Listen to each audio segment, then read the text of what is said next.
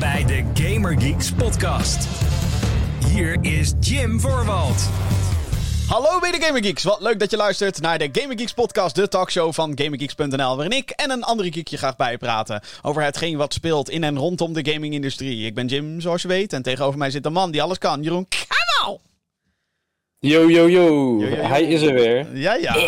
Eh, och, einde van het jaar. Och, ah, yeah. Alles, alle, alle spieren, al het Alles- spinnenweb, alles raakt, alles piept. Oh nee. alle stof. Stof van je podcast, maar ik ook.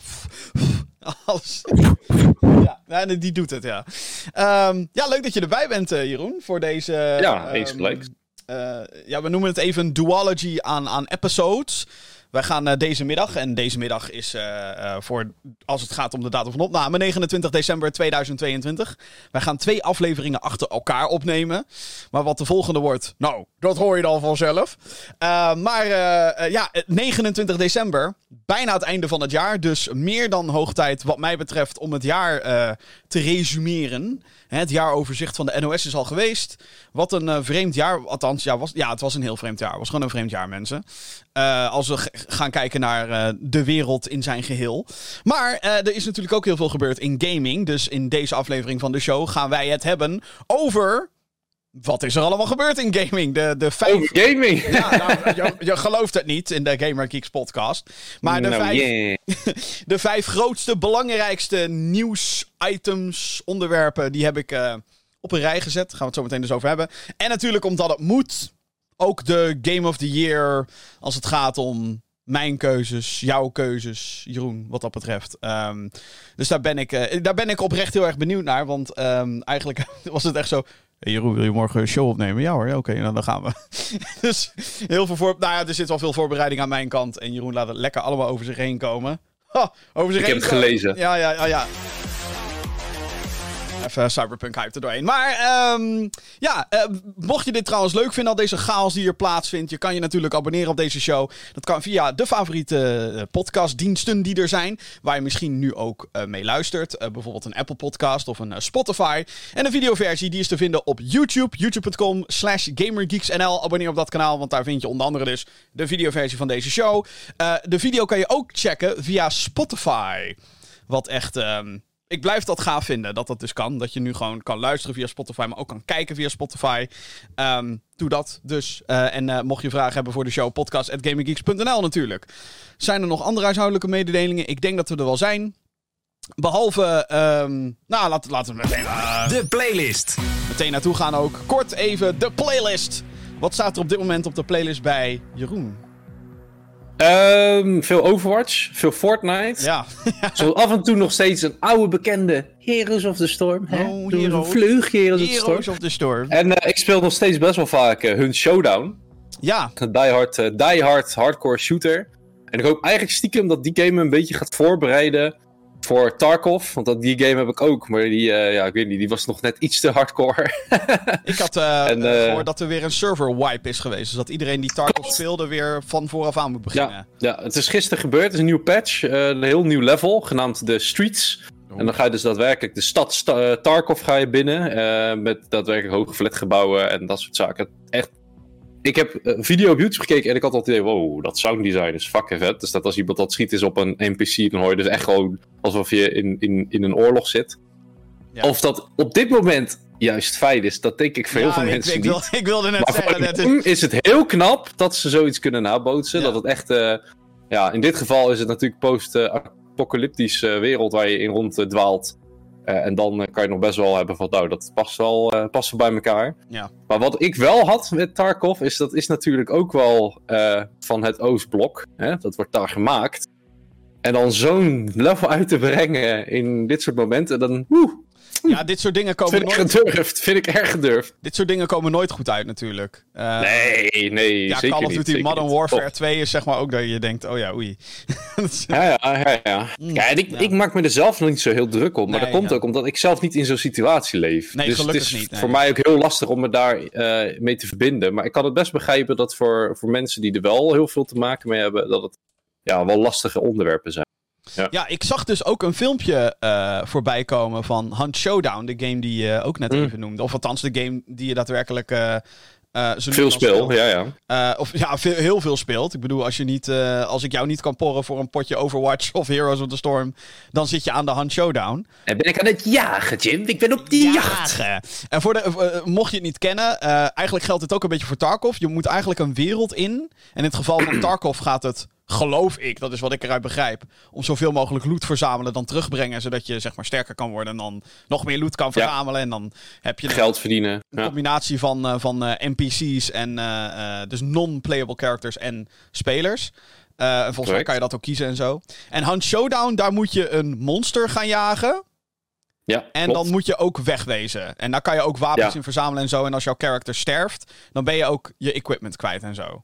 Correct. Nou, hun showdown is op dat gebied wat simpeler. Je gaat gewoon een level in en jij moet gaan zoeken naar de demon die je moet gaan banishen. Oh. Maar dat doen de andere spelers ook. En, dat is, uh, en op het moment dat je die genakt hebt, kan je de bounty van dat beest kan je mee terugnemen en dan ben je weg. Dus het is eigenlijk best heel simpel. Alleen het is heel, heel uh, spannend en stressvol. Hè? Elke schot kan de laatste zijn. Ik, uh, ik heb een paar keer ook met jou meegespeeld. En het, ik kan bevestigen dat het inderdaad heel stress stressverhogend. ja, je was heel gauw van godverdomme. Ja, nee, maar vooral omdat je, je, je gaat best snel dood in deze game. Uh, ja, je gaat heel snel dood. Het is niet zo... Ik bedoel, in Call of Duty ga je ook snel dood, daar niet van. In Warzone en zo. Maar uh, het is daar echt gewoon... één schot kan al fataal zijn. Dus op het moment dat je dan ja. voetstappen hoort... Nou, ik raak helemaal in paniek. Ik zeg, je goed, dit zijn mensen. En dat is, uh, ja... En dan zit hij, oh, ja. ik, ik, ga er omheen. En, uh, en ik doe dan veel te lang om, om, om, om ergens op te gaan schieten. Want dan denk ik, ja, want als ik mijn schot mis, dan ben ik ook weer de Sjaak. Dus het is, uh, ja, het kan inderdaad heel fataal zijn. En heel snel uh, is, het, is het klaar met, uh, met die game. Of althans met, ja. met jouw character in die game. Maar ik vind, dat, ik vind het hele sfeertje en zo vind ik wel echt te gek van, van Hunt Show. Ja, het is gewoon heel knap wat ze eerst wilden maken met deze game. En dat ze dat hebben omgedraaid naar deze type gamestyle vind ik gewoon heel knap. En wat leuk is, wat ik zelf heel leuk vind. Kijk, ik hou altijd wel een beetje progressie in een game. En Mhm. hier zijn dat weapon unlocks door hè, te levelen. Maar ook je character wordt sterker. Hè? En elke Ja. keer als jij kills maakt en XP verdient en bounties naar buiten brengt, kan je dus perks gaan kiezen. Die gebaseerd zijn op jouw playstyle. En maar ja, dat maakt het ook weer heftiger als je character neergaat. Want dan ben je gewoon al die perks kwijt. Er is nu een event bezig die eh, zo af en toe de hele map in de fik steekt. En Ja, ik als je dus genoeg punten zeggen, want ik- verzamelt. Ik, zag, ik zag dus, eh, ik wilde dus net zeggen, ik zag beelden voorbij komen van dat bos en dat gebied wat helemaal Ja, fik ja. staat. En dat ziet er dat gebeurt zo ook echt. ongelooflijk vet ziet dat eruit. Dat is echt dat ik denk... maar dus, zo eh, ziet het er dan ook uit, hè? Oh, ja. Ja. Dus dat zijn gewoon de bekende levels die opeens helemaal aan de hand staan. En het is- heeft een beetje te maken met het event dat nu bezig is. Je kan dus nu punten verdienen in de map door kills te maken, door punten te verzamelen die, eh, die gewoon rond liggen. En als je dan een bepaalde hoeveelheid hebt behaald, dan krijg je weer een currency erbij in de map. En die kan je dan in de map omzetten naar een speciale perk die iets met zich meebrengt. Dus één, dan word je wat minder eh, effecten. Hè? Kunnen mensen je niet in de brand steken of dan heal je zelfs als je in vuur gaat staan. Nou, in zo'n map is dat erg handig. Ja, Dan kan je gewoon door het vuur heen manoeuvreren. Eh, je hebt er eentje dat als je neergaat, kan je jezelf weer overeind helpen. Dat mag normaal gesproken niet, maar dat kan nu dus wel. Of dat je geen, want als je normaal gesproken, als je door iemand gekilld wordt, je hebt een life bar. En die is op, onderverdeeld in verschillende chunks, laat maar zeggen. En normaal gesproken, als je één keer neergaat, ben je zo'n chunk kwijt. Nou, in dit geval, als je genoeg punten hebt, raak je die niet kwijt. Dus je hebt Ah, ja. allemaal nieuwe buffs erbij. Er komen nieuwe, wapen, komen nieuwe wapens in de game. Ook super vet, want je hebt heel veel van die oude western wapens in deze game. En nu worden er hier en daar de geüpgrade versies daarvan gedaan. Dus eh, voor de mensen die Battlefield spelen, die kennen de Martini Henry wel. Met één grote kogel oh ja. knal je iemand verrot. Nou, nu hebben ze de versie in deze game ook ingebracht dat je dus aan de zijkant van je wapen een soort van magazine hebt zitten of een clip. Nee, nee, het is een magazine, want het is een, een doosje. Waar je dan die kogels los in doet en dan kan je dus blijven doorladen met Oh, dat wapen. Nou, het, het, het, het, het werkt wel, alleen ja, het nadeel is, je ziet weer een stuk minder op het scherm. Dus het is super grappig gedaan en, en hoe ze dat soort wapens dan upgraden in zo'n event. Dus het is gewoon heel grappig om te zien dat zo'n game geleidelijk steeds een beetje verandert. Maar wel de core hetzelfde blijft. En de Ja. frustratie ook. Die blijft ook. nou ja, eh, daarover gesproken. ehm, wij zijn, althans, ik zal even voor mezelf spreken. Ik ga best wel hard op Overwatch. Op dit oh ja, ja, ja, ja. ja. Het is eh, heel erg. ehm, het is een. eh, nou, ja, Overwatch 2 is het inmiddels. Dat is een, een shooter die van origine uitkwam in 2016. Dat was deel 1. En ik. ehm, toen deel 2 uitkwam, veel problemen, veel issues. Hè, characters die voor bugs zorgden, eh, waardoor ze continu Oneindig hun... ultimate konden spammen en dat soort shit. En ehm, waardoor nog meer bugs, waardoor bepaalde characters er tijdelijk uit moesten gaan. Zoals May en, en Bastion, die zijn eh, tijdelijk geband geweest in Overwatch. Als in je kan ze gewoon niet spelen. Want oh, we hebben het niet gefixt. eh. En de launch zelf was een drama. Met, met connectivity issues en, en games die. Mensen die eruit gekikt werden en dat soort shit. Nou, dat was echt heel erg kloten. Dan heb je een half uur gewacht in de wachtrij en dan. eh, nee, nee, je wordt er toch uitgetrapt als je net die. Nou, wat ik heel erg nog steeds het standpunt blijf houden. Het is vergeleken met deel 1 een niet hele grote aanpassing. Maar op een of andere manier is die wel leuker en beter dan zijn voorganger. Dus dan denk ik van, als ze nou echt, echt de moeite erin hadden gestoken. Ja. Wat had het dan wel niet voor prachtproduct kunnen worden? Dus nu is het een soort van 1.5. En die is echt beter. Ja. Maar er is bijna niks toegevoegd. Ja, het is eh, wat, wat, ik, wat mijn grote gevoelens zijn met Overwatch 2. Is het is inderdaad gewoon een update met één nieuwe mode. En inmiddels, nou, wat zullen we zeggen, vier nieuwe levels. En dan weet ik niet, dan heb ik niet echt geteld. Dus sorry als ik ernaast zit, want dat kunnen er meer zijn. Ehm, en dan zijn er nog een paar levels uit één die ze nog moeten slash kunnen recyclen. Wat mij betreft gewoon doen. Waarom niet gewoon alle levels erin douwen? Want Overwatch Ja. 1 is niet meer speelbaar. Ehm, daar hebben ze gewoon de servers van offline gegooid. Want dit is toch gewoon een vervanging. En inderdaad, weet je, qua, qua setup en zo. Er zijn, wat, er zijn heel wat balance changes gedaan. De meeste ten goede, denk ik. Ehm, en ik, ik ben het 100% eens met je punt. Het is Overwatch 1.5. Het is geen 2. Ik mis de co-op campaign die ze hadden beloofd. Mhm. Want dat, dat was de grote. Dat was de selling point van. hey, dit is waarom we een vervolg maken. Want dan kunnen we eindelijk het verhaal vertellen van Overwatch. in een co-op campaign. Nou, fucking vet. Dat is er niet. Wanneer het komt, geen idee. Hopelijk misschien volgend jaar. Maar dat moet je ook nog allemaal maar afwachten. En ook wat dat allemaal gaat kosten. Want Overwatch 2 is nu free-to-play. Ehm, met een Battle Pass. Maar Weer toch- eentje. ja, god zal houden op met me hoor. Ehm, maar ik, eh, ik heb het volgens mij ook al vaker gezegd in deze show, maar ik blijf het herhalen. Overwatch 2 bevestigt voor mij hoe leuk Overwatch kan zijn. Het hunkert Exact. bijna, het is inmiddels bijna nostalgie. Want in 2016, toen Overwatch net uit was, mensen. Nou, wij zaten met een groep, waren wij wel heel vaak online. En ik heb Yep. nou diezelfde vibe weer. Maar gewoon omdat die game leuk is om te spelen. Gewoon omdat het, de balans zit goed in elkaar. Je kan hele slechte potjes hebben. Maar het feit dat al die heroes. Ja, het is een shooter. Maar heel veel heroes spelen meer als een soort first-person brawler. Of als een. een, een hè, sommigen hebben alleen maar melee aanvallen bijvoorbeeld. Ja. Het is zo. Het, is, zit, het zit wel echt supergoed in elkaar. Ik Ja, maar daarom is het dus jammer dat ze er gewoon net niet even wat meer hebben gedaan. Dan heb ik niet Ja. alleen maar over co-op, maar ook gewoon... eh, hè, kijk, nu zullen ze waarschijnlijk weer eens per zoveel tijd een nieuw karakter in gaan gooien. Maar dat had je ook met Overwatch 1 kunnen doen. En dan Overwatch 1 kunnen Ja. aanpassen. Nou, dus ik vind het gewoon jammer dat ze niet laten zien van... Hé hey jongens, we gaan nu even all in met deel 2. We passen een paar kleine dingen aan. Het lijkt nog heel erg op deel, deel 1, maar wel heel veel nieuwe extra's. En dat mis ik. Dat had net zo goed deel 1 kunnen zijn met een ander rooster en een nieuwe balance. Ja, gewoon gewoon een balance patch. Eigenlijk 2.0 patch in plaats van de 2 Ja. achter de titel plakken. Ja, nee, ik ben, ik ben het met je eens. Het is een. ehm, eh, zeker toen het lanceerde, wat dus dramatisch was, vroeg ik me ook heel Mhm. vaak af: dit is waarom Overwatch 1 dood moest. weg moest. Ja. Gewoon, Wel slim dat ze dat gedaan hebben, want ik weet zeker dat als ze dat niet gedaan hadden, was het nu niet zo populair geweest. Nee, en natuurlijk het feit dat het free-to-play is, dat helpt ook. Ehm, gelukkig maar. Eh, Mhm. ik, ik weet niet hoe het is om de echte free-to-play ervaring te hebben. Want dan moet je alle characters permanent zien te unlocken.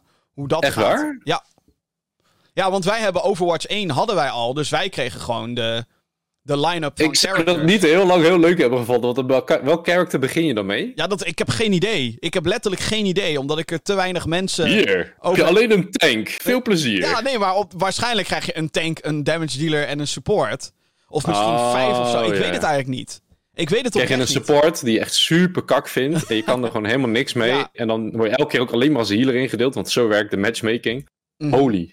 Oh ja, maar dat is ook een beetje wat, wat ehm, waarom de kritiek op het Battle Pass systeem er nu is. Want de manier om characters Mhm. te unlocken is om een bepaald level in de Battle Pass te halen. en dat character kan je dan gratis unlocken, dat wel. Maar dan moet je dus best wel grinden for life.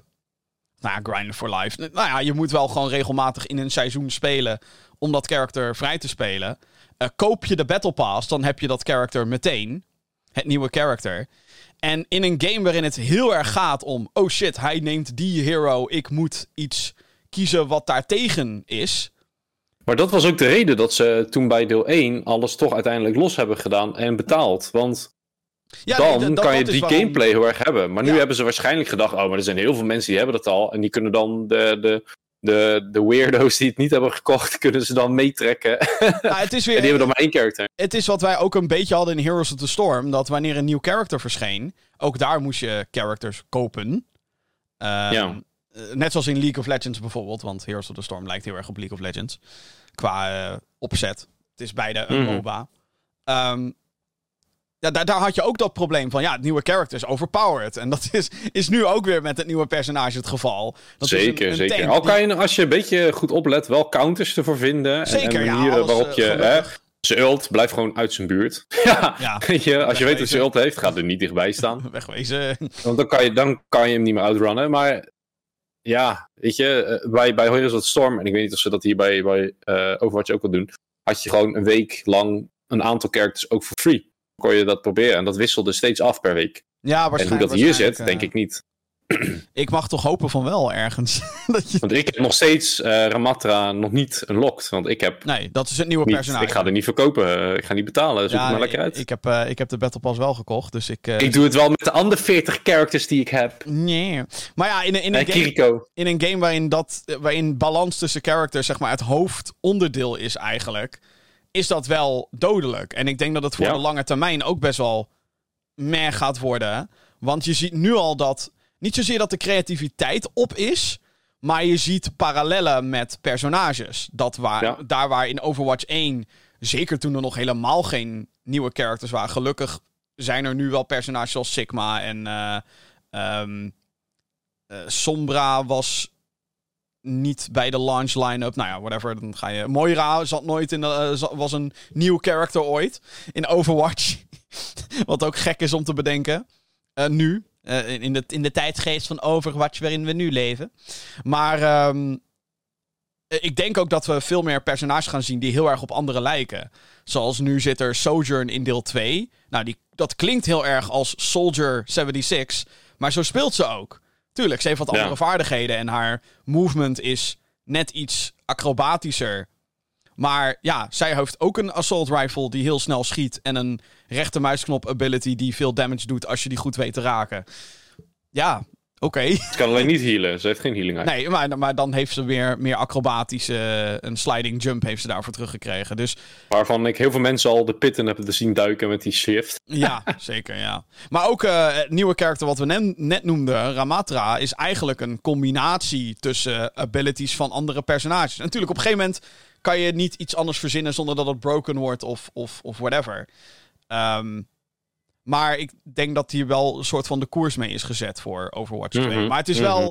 wat ik al zei, ik, ehm, ik ben hier zo van aan het genieten. Het is echt ongelooflijk eigenlijk. Het, het is zo'n game. Dat is heel lang geleden dat ik een game heb gehad dat ik na vijf uur zei op één dag. Ja, nog eentje, joh. Omdat het kan. Omdat het leuk is. Ja, nog eentje, joh. je hebt het zelfs gisteren nog alleen gedaan. Ik was zo druk bezig en je hebt gewoon in je eentje die games te spelen. Ja, dan ook nog eens competitive. wat echt, nou, ja. zo. Dan, uh, dan, dan ga je zweten, hè? Dan komt het zout naar boven. Dat is.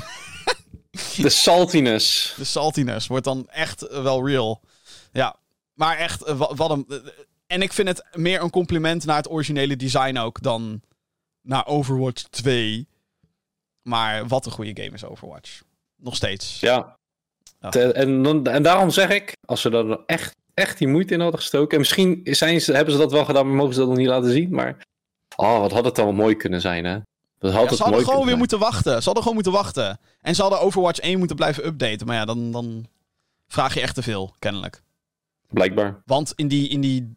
Nou, hoe lang hebben ze Overwatch laten.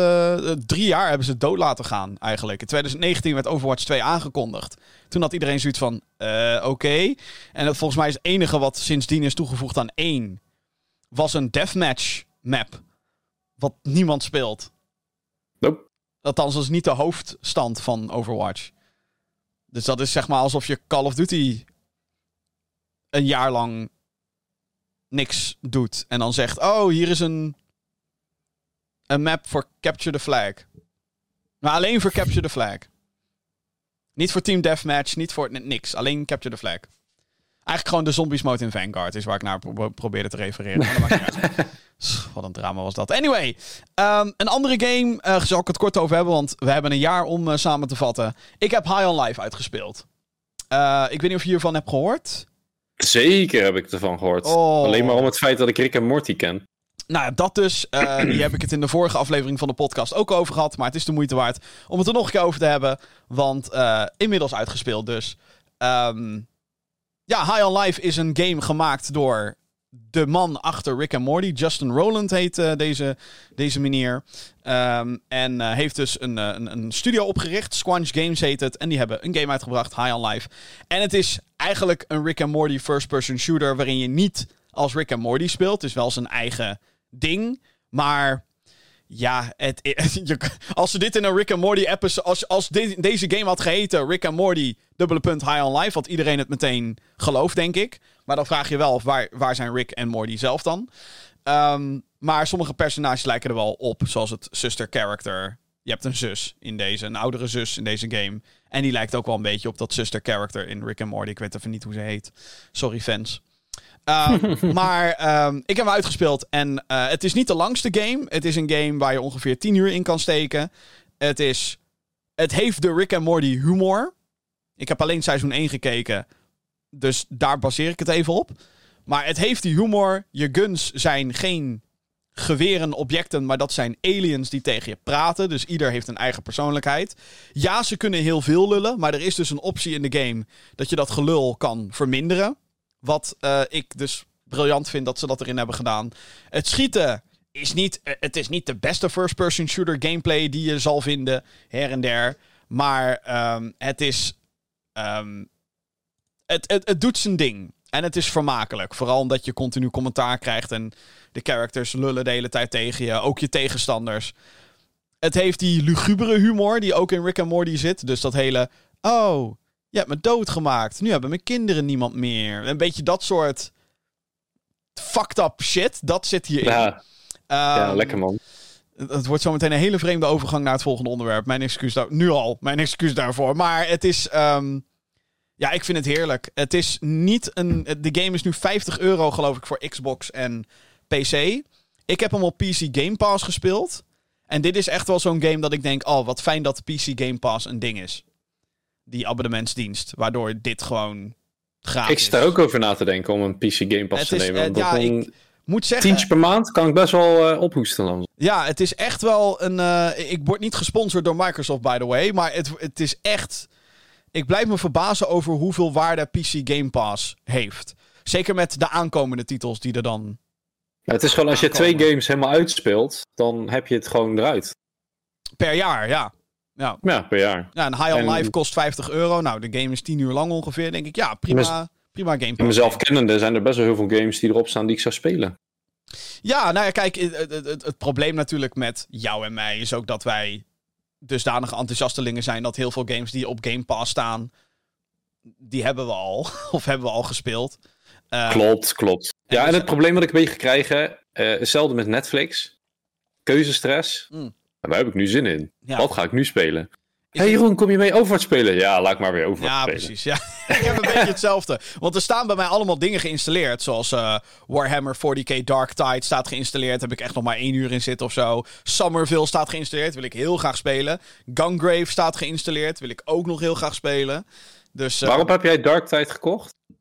Nou, PC Game Pass staat die. Ook Game Pass. Maar zit daar crossplay in uh, met Steam en dat soort dingen? Ja, ja, ja, ja. Volgens mij wel. Moet okay, wel. Goed, goed, goed. Mm. Als je heel even, dan, dat, dan moet ik gelijk, uh, gelijk even kijken, want dat is toch die, uh, die Warhammer game uh, die gezamenlijk zit, soort van Left 4 Dead, ja, maar dan in Left 4 Dead, ja, ja, ja, Left 4 Dead-achtig, maar dan Warhammer 40k. Oh, is, hij is niet zo heel duur. Hij is, een, oh, hoe duur is die game aan zich dan? 40. Oh ja, ja. Oh. Nou, dat vind ik verkeerd.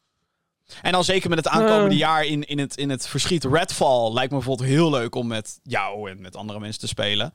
Ook Redfall. Ja, dat is die uh, vampieren shooter door. Uh, oh, ja, ja, ja, ja. Eh, en Starfield komt op Game Pass. Dan denk ik wel, dat zijn wel de heavy Ja. hitters natuurlijk, hè.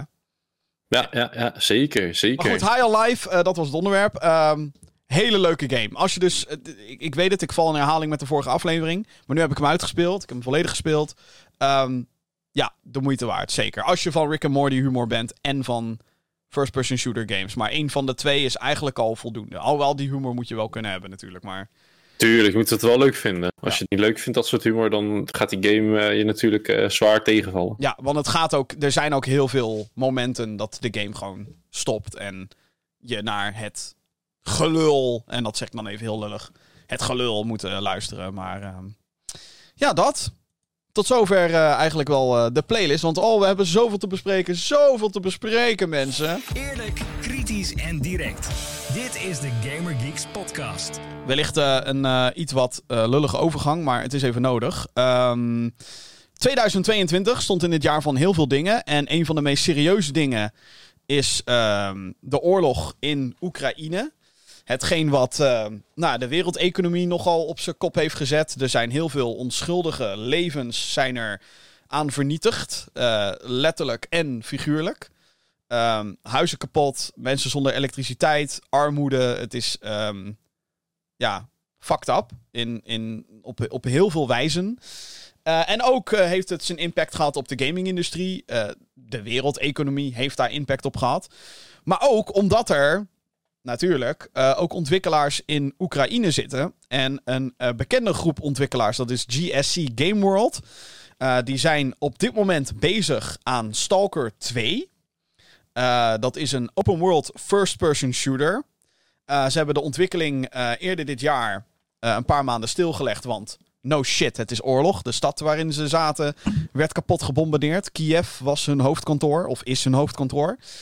Inmiddels zijn de werkzaamheden weer doorgegaan tussen eh, alle serieuze zaken eh, door. Maar deze week is wel het nieuws naar buiten, naar buiten gekomen dat een designer van de studio, Volodymyr Yezov, ehm, om is gekomen aan het front. In eh, de strijd tussen Oekraïne en Rusland. Wat ehm, best heftig is. Ik bedoel, tuurlijk, videogames worden gemaakt, nog wel, gelukkig, door mensen. Eh, nog niet door een AI. Laten we hopen dat dat zo snel mogelijk de grond in geboord wordt. En dit ehm, maakt het eh, nog meer des te menselijk. Ik zag ook een foto van de studio waarin... Oh, de luchtalarmen gaan weer. We gaan weer met z'n allen naar de bunker. Dat dat nu een soort dagelijks ritueel daar is geworden. Wat eh, fucking heftig is als je, de, als, je daar, als je dat inbeeldt. Oh, we zijn nu bezig aan een videogame. Oh, oh, wacht. Er worden raketten op ons geschoten. Oh, onze collega is overleden. Like, what the fuck? Dat is ongekend. Ehm, maar desalniettemin, en daar heb ik zo ontzettend veel respect voor blijven ze doorgaan. Uh, sterker nog, op het moment van opnemen komt er over een paar uur komt er een nieuwe trailer online. Ze zijn nog steeds van plan om volgend jaar met die game uit te komen. En om in deze situatie door te werken aan een shooter waarin geweld eigenlijk voorop staat, want het is een, hè, het is een shooter, vind ik, um, ik vind het knap. En wil ik toch even gezegd hebben, ook omdat het in het jaaroverzicht ik weet niet echt hoe, hoe ik het een plek kon geven. En daarom kwam dit nieuws. Um, ja, ik wil zeggen, dit nieuws komt goed uit. Maar dat, dat dit, dit soort tragedies komen nooit. Tragedie moet sowieso kosten wat het kost vermeden worden. Um, maar ik vond dit een goed aanhaakpunt. Dus een betere verwoording. Om het erover te hebben.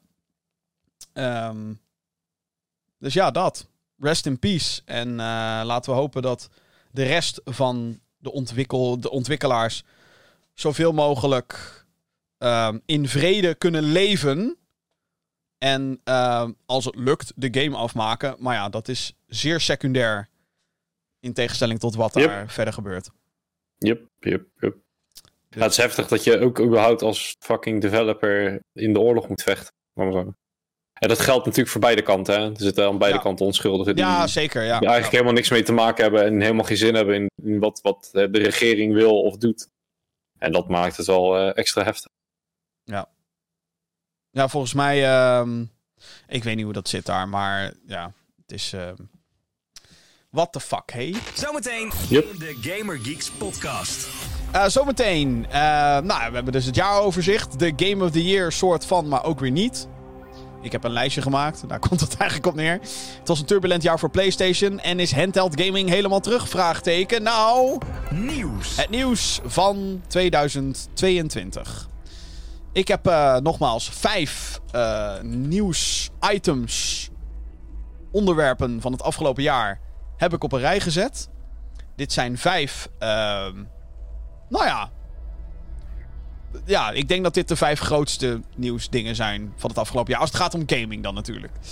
En de eerste, nou ja, ook meteen de grootste, zeker als het gaat om geld, heeft te maken met een uitgever.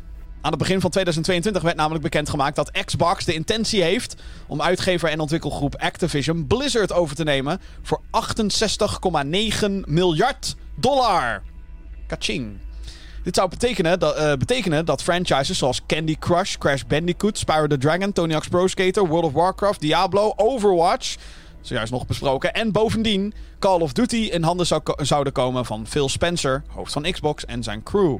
Het nieuws werd met veel bombarie ontvangen en vooral, vooral vanuit kamp PlayStation werd er stug geprotesteerd. Ondanks de belofte van Xbox om Call of Duty voorlopig op zijn concurrerende platform te houden. Dit leidde tot onderzoeken van overheidsinstanties die moeten uitvogelen of deze overname leidt tot een monopolie in de videogame-industrie. En dan zou, zou Xbox het mannetje met het geld zijn. En dat willen we niet. PlayStation pleit ervoor dat met de overname van Call of Duty er geen plek meer is voor concurrentie. Helemaal omdat Xbox met exclusiviteit gamers zou uitsluiten. Xbox daarentegen verdedigt de overname en zegt dat dit goed zou zijn voor alle gamers. En dat de overname voor hun meer betekent dan Call of Duty. Zoals een instap in- in de mobiele markt met ontwikkelaar King. eh, King, sorry, inbegrepen bij de deal. King is van Candy Crush. Inmiddels heeft de leiding van Xbox toegezegd dat Call of Duty de eerste 10 jaar na de overname ook te vinden zal zijn op Nintendo-platforms. De laatste kot die op Nintendo-hardware te vinden was, was Call of Duty Ghosts op de Wii U in 2013. Een soortgelijke deal is ook aan PlayStation voorgesteld, maar die gaan hier niet mee akkoord en doen er kennelijk alles aan om deze deal te stoppen. In principe hoopte Xbox dat de overname rond zou zijn voor juni 2023, maar alles lijkt erop dat dat dus niet gaat lukken. Er gaan nu twee emoties door me heen. 1. Aan de ene kant denk ik, yes, hou die grote klootzakken van Xbox maar even tegen. Want die hebben al zoveel eh, opgekocht de laatste tijd. Ja. Maar twee is denk ik Sony, niet super hypocriet hè. Jullie zijn ook van exclusiviteit en jullie ook exclusieve games die nergens opkomen. Tuurlijk, er zijn er nu een aantal PC verschenen. Hartstikke leuk. Ja. Maar eh, hè, elk verhaal kent twee kanten. Ik moet wel zeggen dat het me wel opvalt dat Microsoft heel graag deze partijen wil hebben. En, en ze zijn al zo groot. En op het gebied van monopolie denk ik wel... Monopolie, of hoe je het wil noemen. Ja, uitspreken. Denk je, ja... Ik zou ook vraagtekens bij hebben. Als buitenstaander zou ik denken... Hmm, dit, nu worden ze wel heel erg groot. Ja, Ik, ehm, ik vind de, de, de hypocrisie van PlayStation vind ik er meer uitschieten dan wat dan ook eigenlijk in deze deal. Ehm, Over de eh, exclusiviteit. Eh, eh, eh, terwijl fucking nu ook weer Silent Hill 2 Remake, niet naar Xbox. Final Fantasy 7 Remake, niet naar Xbox. Final Fantasy 16, niet naar Xbox. Fuck off, bro. Like, wat, wa- waar de fuck heb je het over? Weet je wel? Rot op. Dat is gewoon hoe de... Maar komen ze nooit naar Xbox of is het een Ja, tijdelijk? het is allemaal tijdelijk, maar nu nog. Dus- maar Final Fantasy. 7 Remake is nog nooit op Xbox verschenen. En Nee. daar is een reden voor. Dat, dat, dat is PlayStation aan het tegenhouden natuurlijk. Dat, dat is gewoon...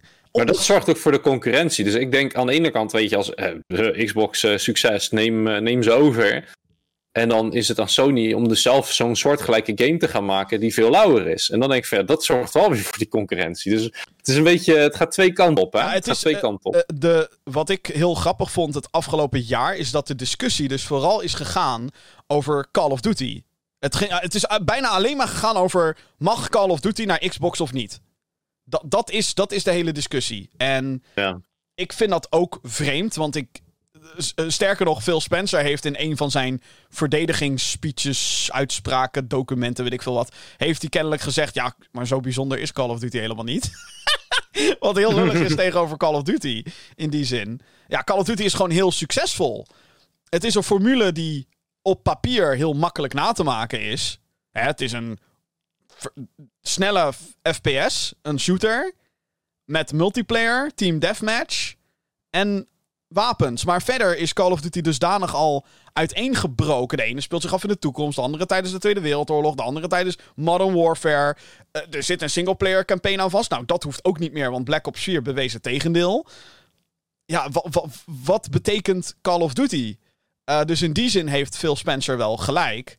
En in die zin denk ik dat PlayStation. Daarom vind ik het ook hypocriet. Zij hebben zelf geen FPS-serie op dit moment.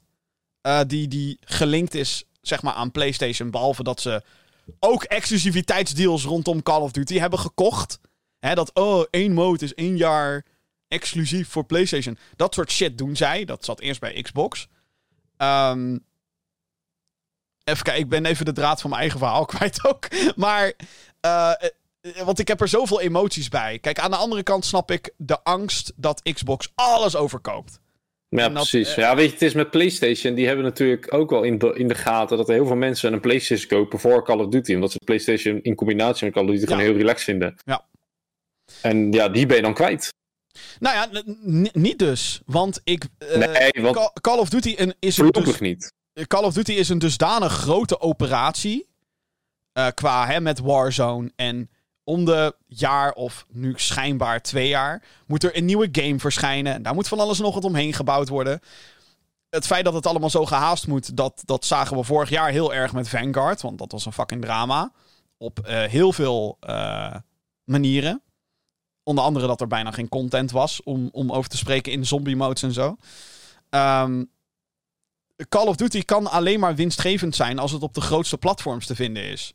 Ja. En Xbox weet zelf ook wel dat dat op dit moment, de cijfers liegen er niet om, dat dat PlayStation is voor Call of Duty. De meeste exemplaren van Call Ja, of ja. Duty worden sinds, nou ik denk de, het tweede jaar PS4, of misschien wel al het eerste jaar van PS4, wordt dat het meeste op PlayStation verkocht.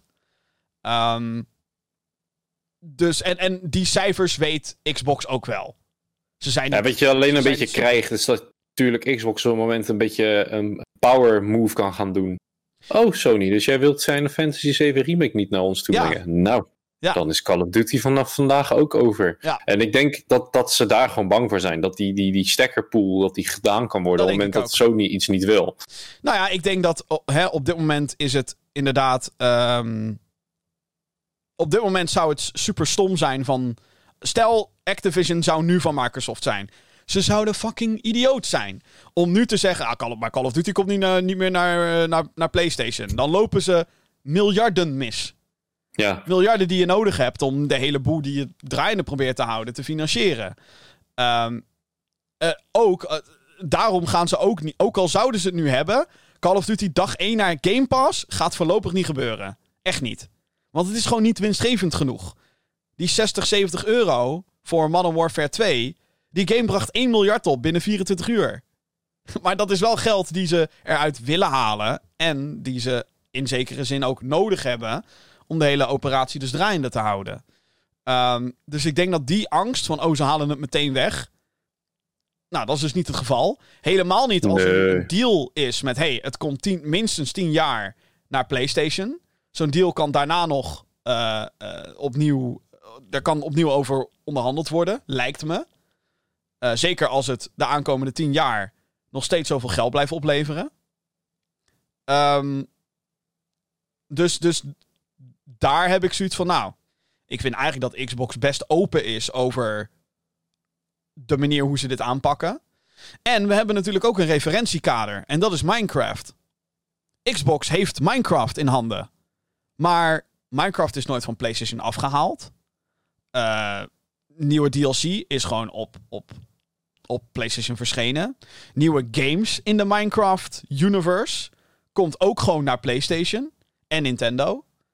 Dus in die zin vind ik wel dat Xbox zich bewezen heeft dat als het gaat om die echt hele grote titels, waar die heel breed zijn, nou Call of Duty en Minecraft kunnen daar denk ik wel onder eh, worden verstaan. Ja, die blijven op PlayStation. Dan kan je misschien wijzen naar Bethesda. Ja, maar Starfield wordt wel eh, Xbox en PC. En dan denk ik, ja, maar is dat dan heel gek? Ik zie dat dan toch net iets anders. persoonlijk. Ehm, maar dat komt misschien omdat ik een PC heb en dus spreek vanuit iemand die die games toch wel kan spelen. Of ik nou een Xbox heb of niet. Ehm, want alles komt ook naar PC. Dus in die zin vind ik dat Xbox best wel een. een... Zij, doen het, zij, zij, doen dit, zij pakken dit goed aan. Laat ik het zo zeggen. PlayStation vind ik in die zin dus inderdaad hypocriet, omdat zij ook weet ik hoeveel exclusives hebben. Ook zij, niet zoveel als Xbox, maar ook zij kopen studio's. Uh, zij doen dat dan wel op een andere manier. Xbox koopt gewoon studio's omdat ze het interessant vinden. En PlayStation koopt studio's die een relatie al hebben met PlayStation. Uh, wat, waardoor een studio eigenlijk al heel erg PlayStation voelt. Of als je die naam ziet, dat je denkt: oh, dat is een PlayStation game. Uh, en dan pas worden ze eigenaar van. Waarschijnlijk omdat er een andere koper op de loer ligt. Um, zoals Insomniac Games. Pas nadat Spider-Man verscheen, in 2018, dacht Sony: Goh, laten we ze eens overnemen. En ik denk dat dat dus waarschijnlijk is omdat Xbox aan de deur stond te kloppen met: hey, jullie zijn fucking goed. Ja, precies. Maar dat is ook wel, dat geloof ik ook wel. Dat geloof ik ook wel. Um, en de reden, ik, ik, ik, heb, ik heb zelf zoiets van: laat deze deal nou maar verdomme doorgaan. Uh, want ik denk dat er weinig juridische. Ik ben geen advocaat, dus ik heb eigenlijk geen idee. Maar ja, de deal is groot. Ja, de deal is heftig. De deal kan, gaat heel veel gevolgen hebben voor heel veel titels. Maar denk je echt dat ze World of Warcraft gaan, ineens gaan afsluiten of zo? Tuurlijk niet. Gaat Overwatch ineens weg van PlayStation? Nee, tuurlijk niet. Het levert geld, levert geld op. Gaat Diablo 4 nu ineens niet meer op PlayStation komen? Tuurlijk wel. Kijk, wat er dan in de toekomst gebeurt, dat is een andere kwestie. En nogmaals, ik denk dat Phil Spencer echt wel weet dat als, als je met een nieuwe Crash Bandicoot game komt, dat mensen dan automatisch denken aan PlayStation. Omdat die geschiedenis daar ligt. Mm um, dus het klinkt gek, maar ik heb vertrouwen in Microsoft. maar dan ga ik je even oh, een ja. andere kaart opgeven. Ja. Op het moment dat Activision Blizzard wordt overgenomen. Ja. Heroes of the Storm, die is niet belangrijk meer. Die gaan ze gewoon gelijk weggooien. Ja, dat kan. En dan, dan is ons snufje nostalgie. Ja, is daar nee, dan... dat kan. Maar de, de, de dood van Heroes of the Storm ligt al heel lang op de loer. Al dus... jaren op de loer. Dus, dus in die zin. Dan is het zeker. Ik dan denk, is het zeker. Ik, ik, denk, ik denk namelijk dat uh, wat ze gaan doen bij. Uh, of hoe het gaat werken. Is dat het net zoals met Bethesda. Bethesda opereert eigenlijk op heel veel fronten zelfstandig. Ja, ze zijn van Xbox, maar voor de rest doet Bethesda gewoon alles wat ze zelf wil. Uh, alle persberichten over Bethesda-titels worden tot op de dag van vandaag door een Bethesda-kantoor uitgestuurd. En niet door Xbox. Dat zal misschien aankomend jaar wat meer gaan veranderen als die, hè, als die titels die net wat meer in samenwerking met Xbox ontwikkeld zijn, uit gaan komen. Maar ook dat, Starfield was al lang in ontwikkeling. Redfall was al lang in ontwikkeling. Dus we moeten maar een beetje kijken hoe dat in de toekomst zich gaat uitweiden. Um, maar ja, Phil Spencer heeft ook gezegd: ja, weet je, wij willen ook gewoon. Dat zegt hij nu, of dat ook daadwerkelijk uitkomt, moeten we natuurlijk ook allemaal nog maar even zien. Maar hij heeft ook gezegd: ja, ik wil ook gewoon door met alle andere. Het gaat ons niet alleen maar om Call of Duty. Hè? Het gaat ons ook om de mobiele markt, zoals gezegd. Maar ook om Tony Hawk en om Overwatch en om alles wat eromheen. En Activision heeft best wel wat franchises in handen. Um, waardoor dit best wel. Het kan wel hele toffe dingen opleveren, denk ik. Het grote. Het andere grote punt waardoor ik zoiets heb van laat de deal nou maar doorgaan. Is omdat Xbox niet de enige geïnteresseerde partij was voor deze verkoop. Activision Mhm. Blizzard wilde verkopen. Waarschijnlijk omdat het bedrijf al een paar jaar hè, in rep en roer ligt door, door eh, alle aantijgingen rondom seksueel misbruik. En ehm, nou ja, de, de reputatie die soort van naar de kloten is. Van met name Blizzard. Activision, ja, dat vindt iedereen al jarenlang een, een, een slijmbaluitgeverij. Daar ga je niks meer aan veranderen. Uh, ondanks dat ze ook hele toffe projecten hebben uitgegeven. Ik bedoel, Sekiro Shadows Die Twice is van Activision. Je verwacht het niet, maar het is wel zo. Um, dus, dus dat. Uh, kijk, Activision wil ook verkopen. En Activision heeft gezegd: wij zijn bereid om, zeg maar, met Xbox te vechten dat deze deal doorgaat.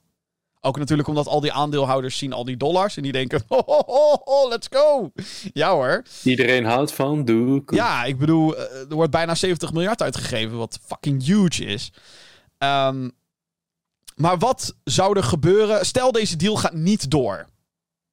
Oké, wat gebeurt er dan? Ten eerste moet Xbox dan sowieso 3 miljard betalen aan Activision Blizzard. Want dat heeft in een of andere clausule overname overeenkomst heeft dat gestaan. Dus dat is dan al kut voor Xbox. Al... Maar wel leuk voor hun. We hebben ja, Microsoft geld heeft... in de pocket. Microsoft heeft meer dan genoeg geld. En Activision ook. Um, maar het andere wat dat betekent, is dat Activision dan waarschijnlijk op zoek gaat naar een andere koper. PlayStation heeft het geld niet om Activision Blizzard over te nemen. Echt niet. Zij hebben echt het geld niet hiervoor. Voor zo'n. Nee. Dan, dan moeten ze heel erg diep in de buidel tasten. En ik denk niet dat ze dat risico willen nemen. Uh, en daarnaast denk ik dat als PlayStation het overneemt, dat Call of Duty per direct exclusive is. Per direct. Zeker na dit hele, dit hele geouwe hoer en modder gooien tussendoor. Um, wie is er dan nog over? Nintendo? Nee, gaat niet overkopen. EA heeft ook het geld niet. Um, Ubisoft heeft ook bij lange na het geld niet. Er is één land met name waar het geld vandaan kan komen. En dat is China. Willen wij dat Activision Blizzard volledig in Chinese handen valt? Nee. nee. nee. En Dat, is nu, dat is nu het grote risico. Wat, ja, dat is nu het grote risico wat nu met deze deal gepaard gaat. Ja, het, is, het zou hartstikke mooi zijn voor Xbox en, en voor de aandeelhouders van Activision. Hartstikke leuk of wij als gamers er echt iets aan hebben. Dat zien we dan over weet ik veel, vijf jaar kunnen we daar pas de, de, de, de dingen van zien. De, hoe noem je dat? De conclusie, of in ieder geval de voorlopige uitkomst. Um, en ja, ik ben het ermee eens dat Xbox zelf verdomme ook even wat games moet gaan uitbrengen en met zijn teams moet gaan samenwerken. En het nieuwe Xbox, het wordt wel echt tijd dat dat een keer gaat gebeuren. Hè, want ze hebben 80 studios overgenomen. En van heel weinig hebben we nog een echte Xbox Game Studios titel gezien. Wat dat betreft is Obsidian. Die hebben dit jaar Pentiment uitgebracht. Die zijn de MVP's op dit moment van Xbox. Maar goed, uh, dat even terzijde. Um, ja, willen we echt dat Tencent Activision Blizzard gaat overnemen? Dan heb ik zoiets van, alsjeblieft Xbox, Betaal je fucking geld maar. Uh, bewijs inderdaad maar hoe goed je bent voor alle gamers. Um, en als het iets doet, dan is het waarde toevoegen aan, aan uh, Xbox en PC Game Pass. En ik snap dat concurrentie heftig is. Maar als je als PlayStation nu op zijn minst 10 jaar de tijd krijgt. Hè, zo van hé, hey, jullie krijgen sowieso 10 jaar Call of Duty. Moeten we toch hebben, want geld. Moeten, moeten Verzin dan zelf een lauwe game. Nou ja, PlayStation heeft zelf hun eigen first-person shooter franchises vooral al 10, 15 jaar lang in de ijskast geflikkerd. Killzone? Nee, doen we niet meer aan. is niet meer belangrijk. Resistance? Nee, bestaat niet. SOCOM? Ja, wat, wat is SOCOM? Was daar? Kennen we niet. Toch niet zo slim geweest. Want nu zie je... Oh, fuck. Uh, wat moeten wij zonder onze third-party partners? En dat geldt natuurlijk voor elke console. Elke console is enigszins afhankelijk Xbox nog wel het meeste, denk ik, van hun derde partijen. Um, maar ja, je hebt de franchises heb je liggen. Je hebt het talent, je hebt de mensen. Maak dan zelf een keer een first-person shooter franchise. En ik denk dat nu dit gebeurt, en ik denk dat het gewoon gaat gebeuren, misschien nog met heel veel vertraging, maar het lijkt me bijna dat deze deal niet meer tegengehouden kan worden. Ehm, en, ik, en we hebben al gezien dat Microsoft bereid is om heel veel concessies te doen, compromissen te stellen om, om de deal voor elkaar te krijgen. Ehm, ik denk dat het gaat gebeuren. En het zal me niks verbazen als we aankomend jaar dan ineens. Nou, nou, dat is toevallig. Killzone komt terug, jongens. Of Resistance komt terug. Of SOCOM. Een free-to-play SOCOM game met een Battle Pass. En, uh, Hmm. Battlebas, drink maar even een slokje. dan, uh... Sorry, I got carried away. Uh, zijn er nog andere gedachten die jij hebt bij deze over... Nou ja, wat denk jij dat gaat gebeuren? Denk je dat de deal doorgaat of zeg je toch van nou... Nou ja, als, als de regeringen er zich mee gaan bemoeien, dan heb je wel een groot probleem. Maar dan denk ik dat diezelfde regeringen, in dit geval de United States of America, Freedom hè, als die dan horen dat Tencent om de hoek komt kijken, nou, die weet, ik weet zeker dat ze dat ook gaan blokkeren. dan gaan er echt rechtszaken en advocaten en alles erop ingezet worden dat te, voorko uh, te voorko voorkomen. Ja. En ik denk ook, als ik gewoon kijk naar de gamer, dat als het sowieso verkocht gaat worden, dat Microsoft wel de meest slechte, minst slechte keuze is van de twee slechte keuzes, om dit geval maar even, om het zomaar even te stempelen. Oh, als tussen we het over Tencent en, hebben. eh, en, eh, en eh, Ja, ja, ja, ja, ja. ja. Dan Ja. zou ik zeggen, oké, Microsoft, hè, het is een beetje monopolistisch, maar laten we daar maar toch maar voor gaan. Ja, het is, en, en het wordt natuurlijk heel gek om te realiseren dat Sparrow en Crash Bandicoot dan Xbox mascottes zijn. Dat is weird. Dat is heel Ja. vreemd. Maar dat zullen ze ook nooit worden. Dat zullen ze nooit worden. Nee, nee, ik denk ook dat dat juist games zijn die een multiplatform Als, ze dat, als ze dat gaan proberen, Jim, dan pak ik mijn fakkel, die steek ik aan. En dan een pitchfork en dan ga ik... Maar ook interessant trouwens, toch, toch, oké, laatste dingetje. Die commitment om Call of Duty naar Nintendo platforms te brengen, by the way, platforms. Niet per se de Switch, die werd niet genoemd. Eh, want je hebt het ook over tien jaar. Ik mag toch hopen dat over tien jaar dat de support voor de Switch eh, is afgezwakt. Op zijn minst. Dan wel weer wat verder zijn, inderdaad. Ja, als het gaat om nieuwe games, dan hè, jongens, hopelijk blijft het allemaal lekker online en zo. Ehm, maar ja, dan denk ik ook, hoe de fuck ga je dat voor elkaar krijgen op dit moment dan? Als we kijken naar de huidige hardware. Streaming? Oké. Een soort van hele, hele uit, uitgeklede versie. Of misschien zoals vroeger, wat vroeger nog wel eens gebeurde. Dat ze voor aparte Andere platforms versie, ja. aparte games maakten. Of dan remasteren ze ineens. Hier is Modern Warfare 2. 2009. Op de Switch. Remastered again voor portable. Hmm. Ja, weet je, als er een beetje een lauwe nieuwe, nieuwe Nintendo-console komt die dat soort dingen kan draaien, Ja, zou wel leuk zijn. zou leuk Alleen zijn. dat, op zich zou Nintendo, nou dat is een heel apart verhaal, maar ik vind op zich dat Nintendo wat minder sterk is niet zo erg. Al- Het heeft met zijn eigen games wel charme, Ja. maar het begint nu wel een beetje ridiculous te worden. Ik heb, ik heb overigens geen nieuwsblok over Nintendo in het jaaroverzicht. En dat komt omdat- Nee, dus we ja, gaan maar ook gaan joh. Daar zijn we de hele dag nog mee bezig. er is, er is wat, er is wat eh, commotie geweest rondom Pokémon Scarlet en Violet. En dat is het eigenlijk wel. Ze hebben heel veel fijne games uitgebracht. En ook teleurstellende games. Mario's. Battle League Football hadden moeten zijn, jongens. Dus. Met wel zijn moed. Ja, het was een beetje, een beetje jammer. Gaan we, nou we hebben het al heel veel over deze partij gehad. Gaan we naar PlayStation. Want, oei. eh, PlayStation heeft een heel turbulent jaar achter de rug, zo kunnen we wel stellen. Het goede nieuws is dat de productie van de PlayStation 5 weer lijkt op te schalen. En dat titels als God of War Ragnarok, Horizon Forbidden West en Gran Turismo 7 zeer succesvol zijn. De PC werd dit jaar omarmd door PlayStation met releases als God of War 2018, Marvel Spider-Man en Spider-Man eh, Miles Morales, Uncharted The Legacy of Thieves Collection en met meer PC-releases aanstaande, zoals The Last of Us Part 1 en Returnal. PlayStation trok ook de portemonnee dit jaar. Zo betaalde zij 3 miljard om mega-studio Bungie, bekend van oudere Halo-titels en Destiny, over te nemen. Bungie is echter geen deel van PlayStation Studios en blijft zoveel mogelijk op zichzelf opereren. Er komen dus geen exclusieve titels naar PlayStation vanuit de studio. Het lijkt erop dat de expertise in live service games de reden is voor de overname. Daarnaast werd Haven Studios overgenomen. Eerder sloot PlayStation al een exclusiviteitsdeal met de ontwikkelaars. Mm. En eh, die hun eerste game nog moeten onthullen, by the way. De studio wordt geleid door Jade Raymond, bekend als de producent van de eerste paar Assassin's Creed games. Overigens heeft PlayStation ook gewoon het geld neergelegd om deze studio op te richten. Dus no shit dat het exclusief zou zijn trouwens. De grootste opschudding was PlayStation Plus. Deze werd in 2022 opgesplitst in drie tiers. Essential is de abonnementsdienst die de meesten nog steeds kennen. Je hebt toegang tot online gaming en kan elke maand een aantal games claimen. En er zijn ook wat extra korting op de PlayStation Store, whatever.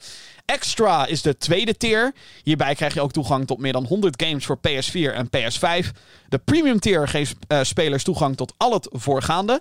Eh, bepaalde game trials en retro games om te spelen voor PS1, PS2, PS3 en PSP, maar dan allemaal vanaf je PS5. Alhoewel ieder zijn eigen smaak heeft, valt het niet te ontkennen dat de line-up van de klassieke games tegenvalt. Veel bekende PlayStation franchises zijn niet aanwezig en PS3 games kunnen alleen gespeeld worden door middel van streaming.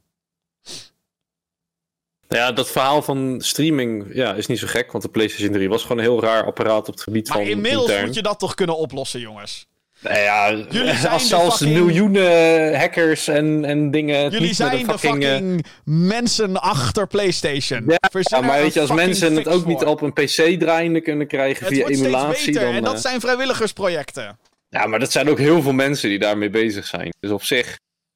Ik begrijp dat het lastig kan zijn. En laat ik zeggen, dat- vind ik niet het meest vervelende. Het vervelende vind ik Nou, ik vind dat als ik, een, eh, als ik PlayStation 2 games wil spelen die ik heb, hier heb liggen, dat ik dat niet kan. Nee, kan niet. Ook niet via PlayStation 5. Hè? Ik, ben, ik heb specifiek hier dan de, de Metal Gear Solid games. Ja. Die, daar had ik weer zin in. En dan moet ik gaan spoken met Mijn emulatie. fucking- via fucking- PlayStation 3 kan het niet. Bro, en ik, heb hier, ik heb hier een fucking... Waar is dat ding? Nou, achter mijn stoel ergens. Een PlayStation Classic. Je weet wel, dat geflopte mini-ding. Daar staat Metal Gear Solid op. Hoe, staat Ja, het die niet zou deze... kunnen doen. Ja. Hoe staat het niet op deze dienst? Hoe dan?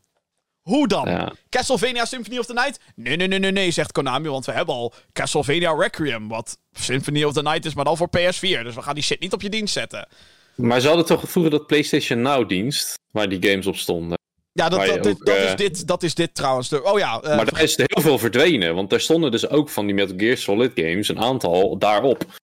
ja eh, by the way, correctie. eh, extra is zeg maar de vervanging van PlayStation Now. Dus je kan ook streamen extra, die games. Vergeet het te vermelden, sorry. Maar dat is inderdaad waar. Eh, ja, ja, kijk, de line-up, die licenties veranderen om de havenklap, hè? Ja, dat maar het is voor gewoon heel veel games. Het is gewoon zwaar irritant. Ja, dat, is, dat, dat, dat, dat zou ik niet ontkennen. je- komt op een moment in zo'n, in zo'n, zo'n, zo'n vaarwater terecht dat mensen eh, vinden dat je illegaal bezig Fuck bent, want je bent met een emulator bezig. Maar aan de andere kant heb je de originele games gewoon liggen. Zelfs als je de originele games vanaf de disc op je PC hebt gezet om ze hè, te behouden. Hè, dat, het is allemaal zo, het is gewoon een gevaarlijk gebied. En ik ben zelfs nu op zo'n niveau dat ik aan het kijken ben naar een dongeltje om van mijn PlayStation 2 naar mijn capture card te kunnen, zodat ik via mijn PC kan streamen, weet je zo. Het is allemaal zo gezeik en gedoe. Ik ben helemaal in een diep, eh, diep dal terechtgekomen op het gebied van de PlayStation controllers, wat me echt verbaasd heeft.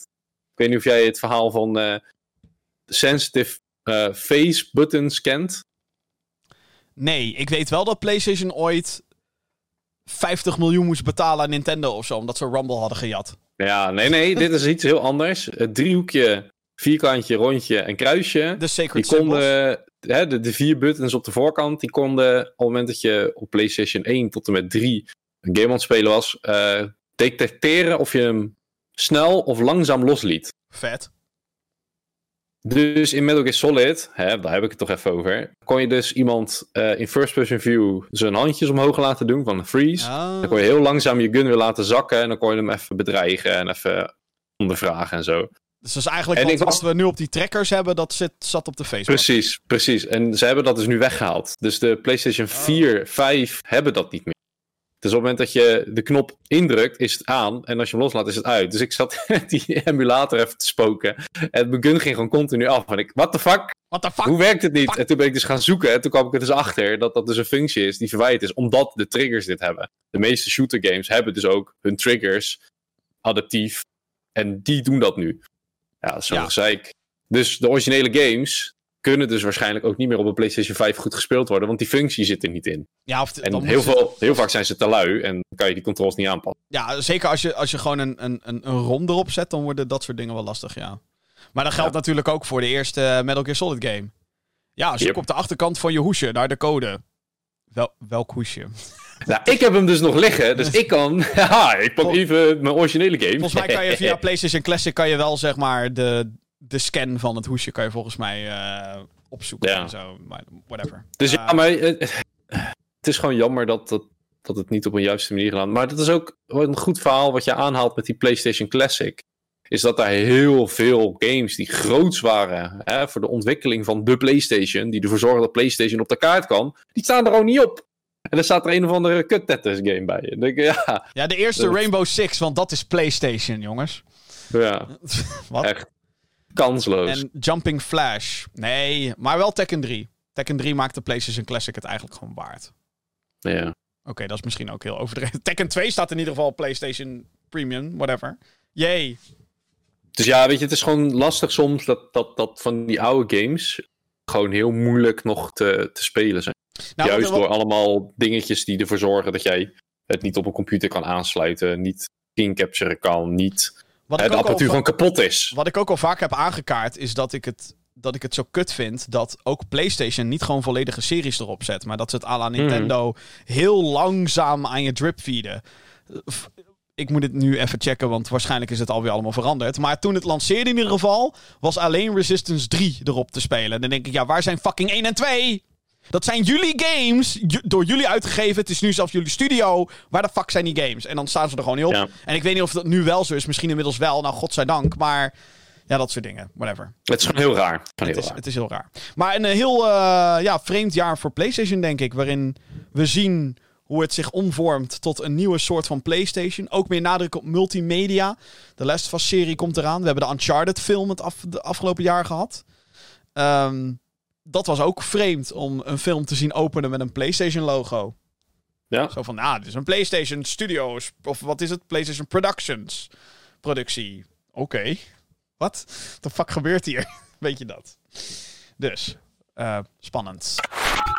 Eind februari werden de eerste Steam Decks opgestuurd. Dat is het eh, volgende grote nieuwsitem van 2022. De handheld computer die gemaakt is door Valve is het laatste hardware-experiment van de industriegigant en heeft tot dusver vele positieve reacties mogen ontvangen. De Steam Deck bevat een AMD Zen 2 processor, een AMD RDNA grafische kaart, 16 gigabyte RAM geheugen en eh, in de meeste modellen overigens. En naast vele knoppen en andere snufjes een scherm met een resolutie van 1280 bij 800 pixels met een refresh rate van 60 hertz. Als eh, deze specificaties je niet zeggen, het komt erop neer dat vele zware games op het ap- apparaat te spelen zijn, mits de games in kwestie geoptimaliseerd zijn en je bereid bent om de kwaliteit lager te zetten of de framerate wat lager te zetten. De game draait op een aangepaste, of de game, de Steam Deck, sorry, draait op een aangepaste versie van Linux. Maar gebruikers zijn vrij om de firmware volledig open te breken, als met het apparaat. En bijvoorbeeld Windows op het apparaat eh, te installeren of andere game launchers eh, indien gewenst. Vele ontwikkelaars zijn dusdanig enthousiast over het apparaat dat ze tweaks aanbrengen om hun game de befaamde sticker Steam Deck Verified te kunnen plakken erop eh, op hun Steam pagina. CD Projekt Red heeft in hun game Cyberpunk 2077 zelfs een gehele optieset toegevoegd voor spelers op de Steam Deck. De Steam Deck is niet de eerste keer dat Valve de hardware induikt. Eerder brachten zij de Steam TV, de Steam Controller en de VR-headset de Valve Index al uit. Maar dit lijkt tot dusver, denk ik, het grootste succes. Maar je hebt ook nog de Steam, eh, die Steam PC gehad. Oh ja, de Steam PC's, dat was geen succes. Dat was een nee, dat was helemaal geen succes. Oeh, En die werd ook uitgebracht door andere partijen uiteindelijk. En dat Ja. is ook wat hun Dat was heel vreemd. team heeft gesmoord. Dat ja. wa- dat nee, was maar Steam Deck, heel vet apparaat. Ik heb hem zelf niet, eh, omdat ik gewoon ja, handheld technisch niet heel veel game. Ik merk het ook met mijn Switch, maar dat is misschien door de Switch. Dat er nog genoeg games liggen die ik moet spelen, maar ik het toch fijner vind om achter mijn PC of achter mijn tv te zitten.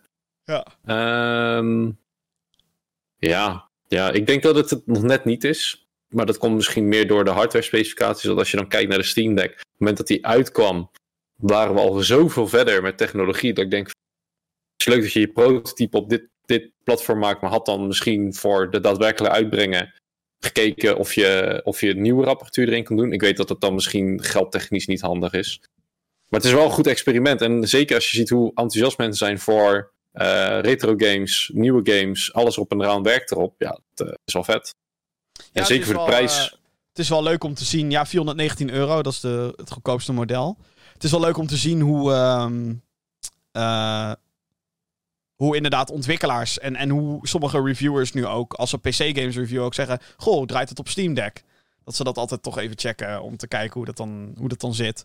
Ehm, Ja, en weet je, het is omdat het scherm wat kleiner is, kan je dus een lagere resolutie, maar ook lagere eh, grafische fidelity, laat maar zeggen, in kunnen stellen. Zonder dat je daar echt last van hebt, omdat het scherm gewoon wat kleiner is. Ja. En wat geinig is, het schijnt zelfs zo te zijn dat je hem op een tv tegen kan aansluiten met een extra tooltje van eh, Steam zelf. ja, ja, volgens mij zit er gewoon een kabel. eh, of kan je er gewoon een kabel in daar? ja, je hebt zo'n kastje die je erbij kan kopen waarmee je hem dus kan aansluiten. Een soort van docking station. Een soort van Switch, Mm. maar dan sterk. Stel je voor dat Switch dit zou kunnen, hè?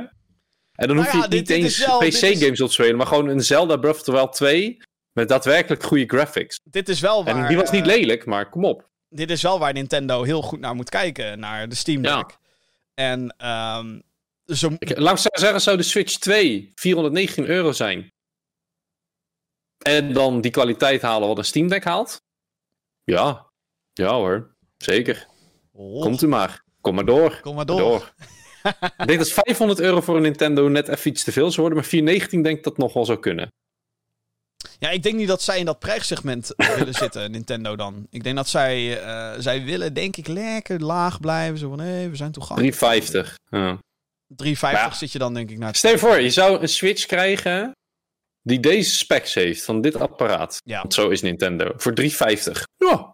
ja. Ja. Zeker als ze daar hun eigen games op ontwikkelen die er gewoon twee keer zo goed uit kunnen zien en draaien als wat ze nu doen. Misschien zelfs wel drie keer. Ik denk drie keer. Denk drie keer.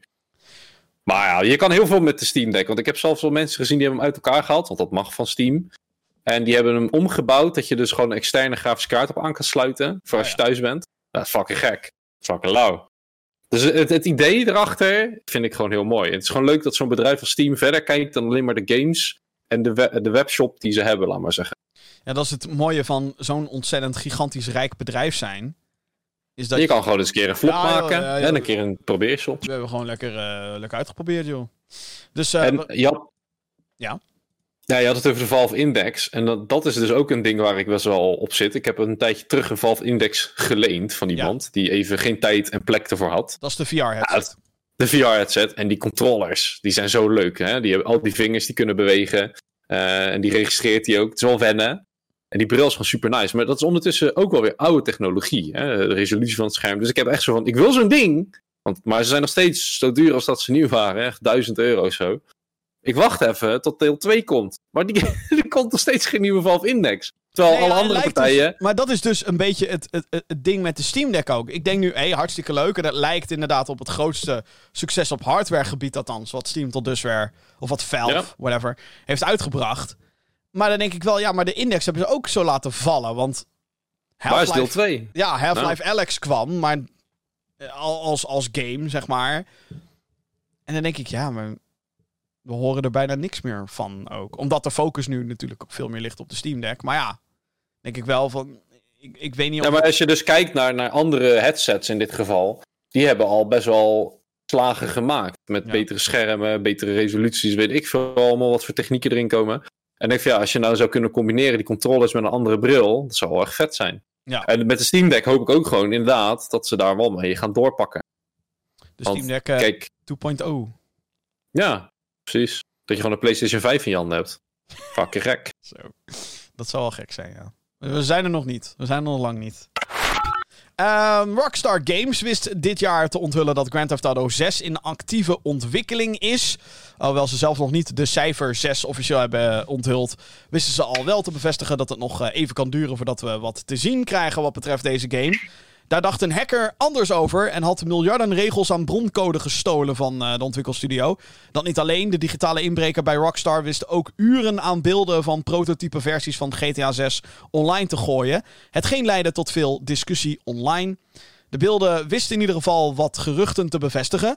Dat een speelbaar personage een Latina vrouw is. En dat de game zich blijkbaar afspeelt in Vice City. De verschillende video's werden snel offline gehaald door de uitgever, Take-Two. En de hacker in kwestie is opgepakt. 19 jaar geduwd. Ja, knap dat hij het zo makkelijk voor elkaar heeft gekregen. Heeft Daar zou ik als Take-Two of als, eh laat maar zeggen, eh, weet het, als Rockstar toch wel even op mijn achterhoofdje krabbelen van wat hebben we hier verkeerd gedaan dat zo'n jongen daarin kan komen. Eh, ik, ik weet wat er verkeerd is gegaan. Die jongen is namelijk in een Trello terechtgekomen. Trello is een chatprogramma, wordt vooral in de professionele werksferen wordt het gebruikt. Die is in een Trello terechtgekomen van Rockstar. En ja, ik kan me zo voorstellen dat er zoveel mensen werken bij een Rockstar... dat als je een nieuwe username ziet, dat je denkt, ja, het zal allemaal wel.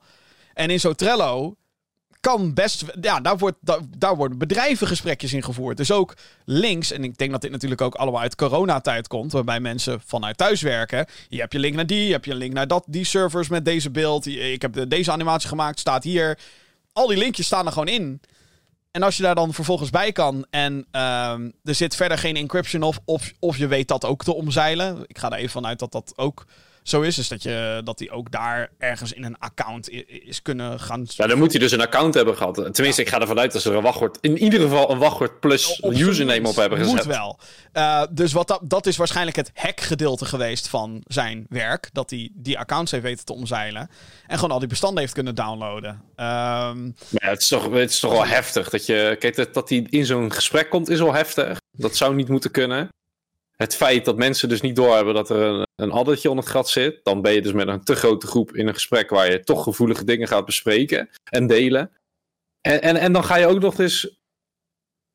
Dan kan die er gewoon bij. Dus dan heeft hij die link en dan kan hij daar ook nog doorheen. Ja. Het, is, het is toch fout op fout op fout. Ik, kijk, het is niet netjes, maar het werd hem wel uh, het werd hem ook uh, makkelijk gemaakt. Laat maar. Ja, het, het grote risico hierachter is dat er straks bij grote studio's niks meer onderling gezegd kan worden zonder dat er 14 bots meekijken. Ik weet niet of we ook daar naartoe willen. Um, wat vond je van de beelden? Ik kan obviously geen beelden laten zien in de videoversie van deze podcast van de gelekte. Ten eerste omdat het offline is gehaald en ten tweede dat dan ook meteen deze show offline zal worden gehaald.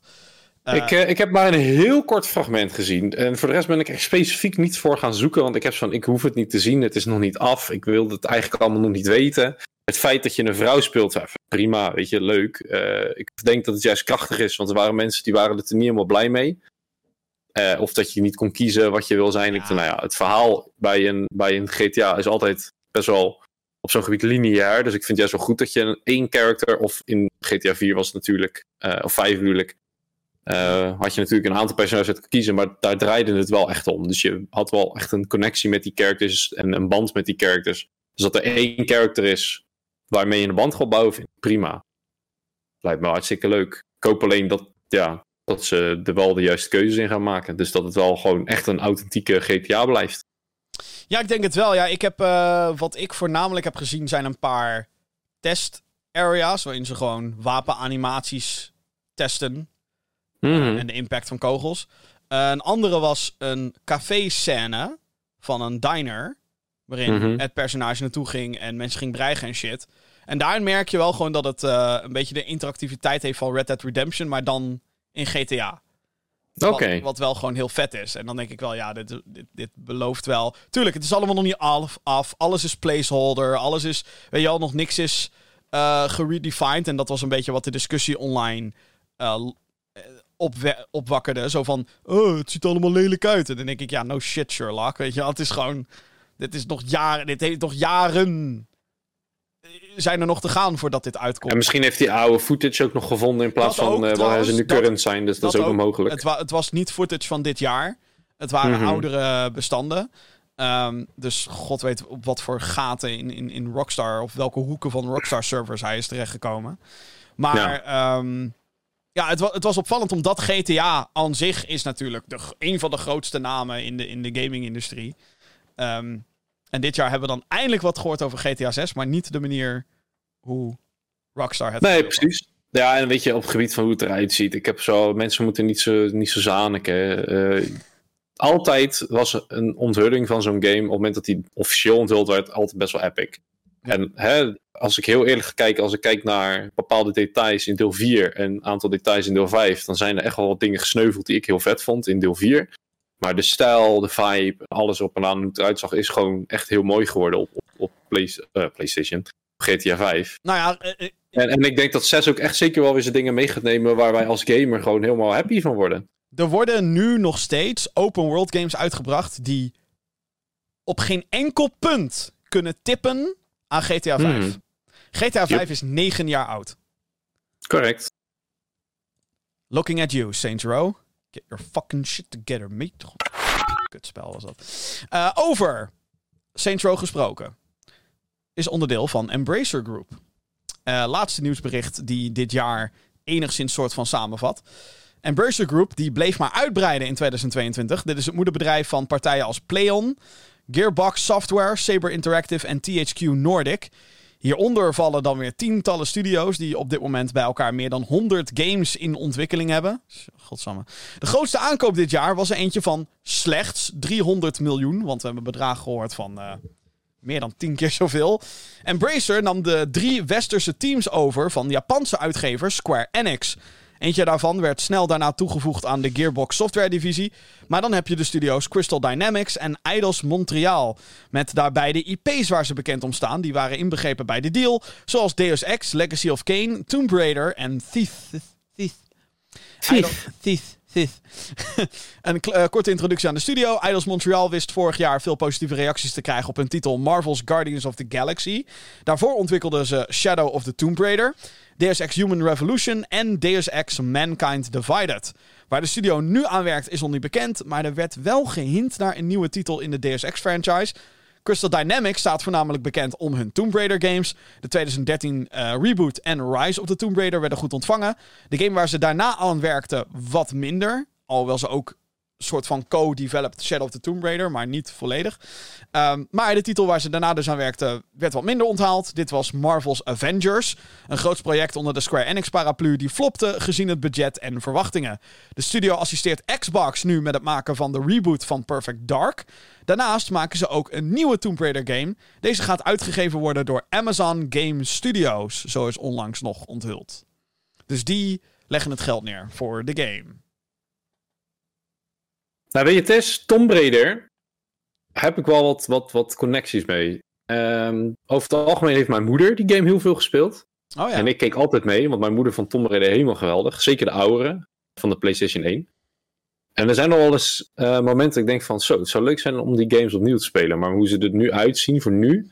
Weet ik niet of ik dat, die uh, oude of ik games dat vol zijn kan wel houden. heftig hoor, om naar terug te gaan, ja. Ja, dus ik heb zo'n... Eigenlijk zou ik het wel leuk vinden als die games weer een keer een leuke, goede remake zouden krijgen. En als dan zo'n studio het overgenomen en ik zie dat ze al bezig zijn met een reboot van Perfect Dark en een nieuwe Tomb Raider game, dan denk ik van jongens, kom, zorg er nou voor dat dat ook even gebeurt. De eerste, zou leuk zijn. de eerste is geremaked. Weet ik, weet ik. En die heb ik gespeeld. Lang ik heel geleden vet. inmiddels ook, dus... Ja, ja, maar die heb ik toen wel gespeeld. En toen dacht ik, ja, vet. Dit komt wel een beetje in de buurt van hoe... Waar is twee? Die Waar vier is was. drie? Waar is Precies. vier? De zogenaamde dood van Lara Croft. En waar is Angel of Darkness, verdomme? Exact. Angel of exact. Darkness was kut. Nee, dat was PlayStation 2, toch? Ja, Angel dat, was die, dat was die... eh, Toen, we- toen ging de serie echt wel eh, naar de kloten. Ja. Maar dat maakt op zich niet uit. Ook die kan je misschien nog lauw maken. Ja, nee joh. Lekker laten gaan. Lekker la- gaan. Gewoon lekker Doe 1, 2, 3 maar. door. 1, 2, 3. Gewoon door, door. Oh, jij wilt niet terug naar het verleden? hè? Oké, geen nostalgie voor jou, Jim. Geen nostalgie. Ja, weet je, PlayStation zou ons terug kunnen brengen naar het verleden met hun premium bullshit. Maar ja, dat weigeren ze ook. Ja, maar dan heb je nog steeds die kut graphic. Ja, maar dat, dat is ook de charme van die games. Zou ik Doom willen spelen met andere graphics? Nee.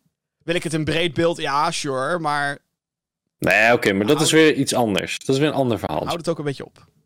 Nee, de gameplay en, en, en, en, en graphics van Tomb Raider, die, die, die, de oude, die passen eigenlijk heel goed bij elkaar. En op het moment dat je Ja. dat gaat moderniseren, is het, blijft er bijna niks meer van het originele product over ook. Dus dan kan je net zo goed gewoon een nieuwe ambitieuze Tomb Raider maken. Maar dat werkt ook best wel goed met Final Fantasy 7. Remake. Ja, maar daarom was 2013 ook een reboot. En alles lijkt ernaar dat dit ook een reboot wordt. Ja, ja, maar ik wil gewoon ook die oude games. Wil ik hebben. Maar is 7 Remake wel echt te vergelijken met het originele 7? Nee. Maar het is wel Ga je. in grote lijnen. Ja, sure. Ja, oké. Wat, ze inderdaad- wat ze inderdaad niet hebben Dus- gedaan, is het verhaal van Tomb Raider 1 exact nagedaan. Maar is dat nou zo belangrijk in Tomb Raider, het verhaal? Nou ja, in de nieuwere games is dat verhaal steeds belangrijker geworden. Maar is het dan ook echt... Niet altijd echt goed, hè? Oh, oh, Oh, oh. oh, oh, shit. maar willen we echt... Het, zijn we nou echt aan het hunkeren? Ik wil het verhaal van Tomb Raider 1, wil ik opnieuw. Nee, ik wil gewoon die omgevingen weer. En ik vond Oh, bij deel oké. 2 heel vet dat je onder water ging naar een soort van Titanic. Ja. Eh, een gezonken schip. En ik denk van ja, dat zou ik wel weer op die manier opnieuw willen doen. Oké, als ze iets moeten remake is het Venetië in Tomb Raider 2. Ja, dat is vet. Fucking kutmuziekje ook. En ik wil gewoon weer eens een keer een training level in het huis van Lara. Dat, oké. Ja, dat je die guy in de vriezer kan stoppen. Ja, dat je ook, ja. Dat je... Die butler. Oké, ik begin eigenlijk steeds... Ik, begin eigenlijk- ik begin steeds meer te neigen naar jou. Ja, oké, we gaan voor de remakes. Ja, ja, je hebt me overtuigd. Ja. Yes! Butler in de vriezer, let's fucking go. Mijn wens voor 2023. Zou ik leuk vinden. Oké, nou, eh, ja, dat waren eigenlijk wat mij betreft dan de vijf grootste, eh, belangrijkste verhalen uit de gaming-industrie van 2022. Dan rest ons nog het soort van verplichte Game of the Year lijstje. We hebben natuurlijk ook de Game Awards gehad. Um, voor ieder is uh, zijn of haar of hen eigen Game of the Year anders. Want je kan niet alles spelen wat er is uitgekomen. Um, Elden Ring is bijvoorbeeld door de Game Awards uitgeroepen tot Game of the Year. Maar goed, ik heb die game niet gespeeld. Want ik had zoiets van: ik heb zoveel meer andere dingen om te spelen. Het is een Souls-like. Gaat het allemaal daar? Ja, weet je, als ik kijk, als ik kijk naar jouw lijstje. Um, ja, maar, ja, maar zijn er ook heel veel games waarvan ik zeg van ja, dat lijkt mij ook wel, maar ik heb ze nog niet gespeeld. Nee, precies. Ja. En dat is heel veel bij mij. Er zijn heel veel games dat ik denk van ja, die moet je spelen, maar ik heb hem zelf ook nog niet gespeeld. I'm so sorry. Wat is maar, maar wat is jouw favoriete game van 2022? Want daar heb ik ik, ik, heb, Oeh. ik heb er wel naar gevraagd, maar ja. Nou, ik denk dat ik heel erg verrast ben door de originele, of de, de, de, de reboot van God of War op de PlayStation.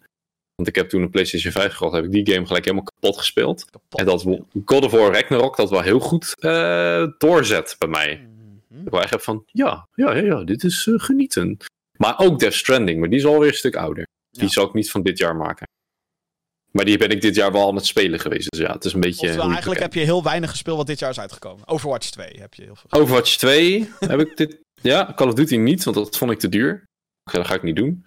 Uh, Dying Light 2 heb ik gespeeld, vond ik ook heel vet. Alleen wat ik merk met dat soort games, zoals een Dying Light, zo'n open world, ik raak verdwaald.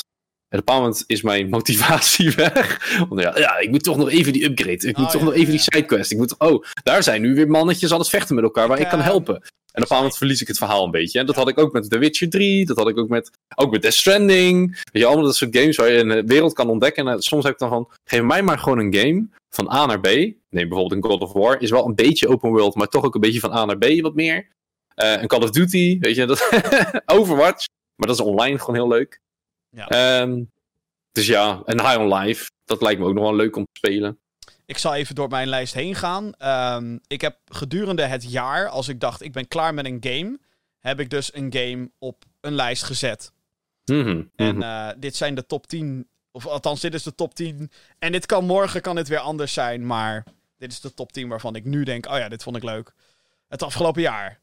Mijn zogeheten Game of the Year lijst. Op nummer 10 Call of Duty Modern Warfare 2.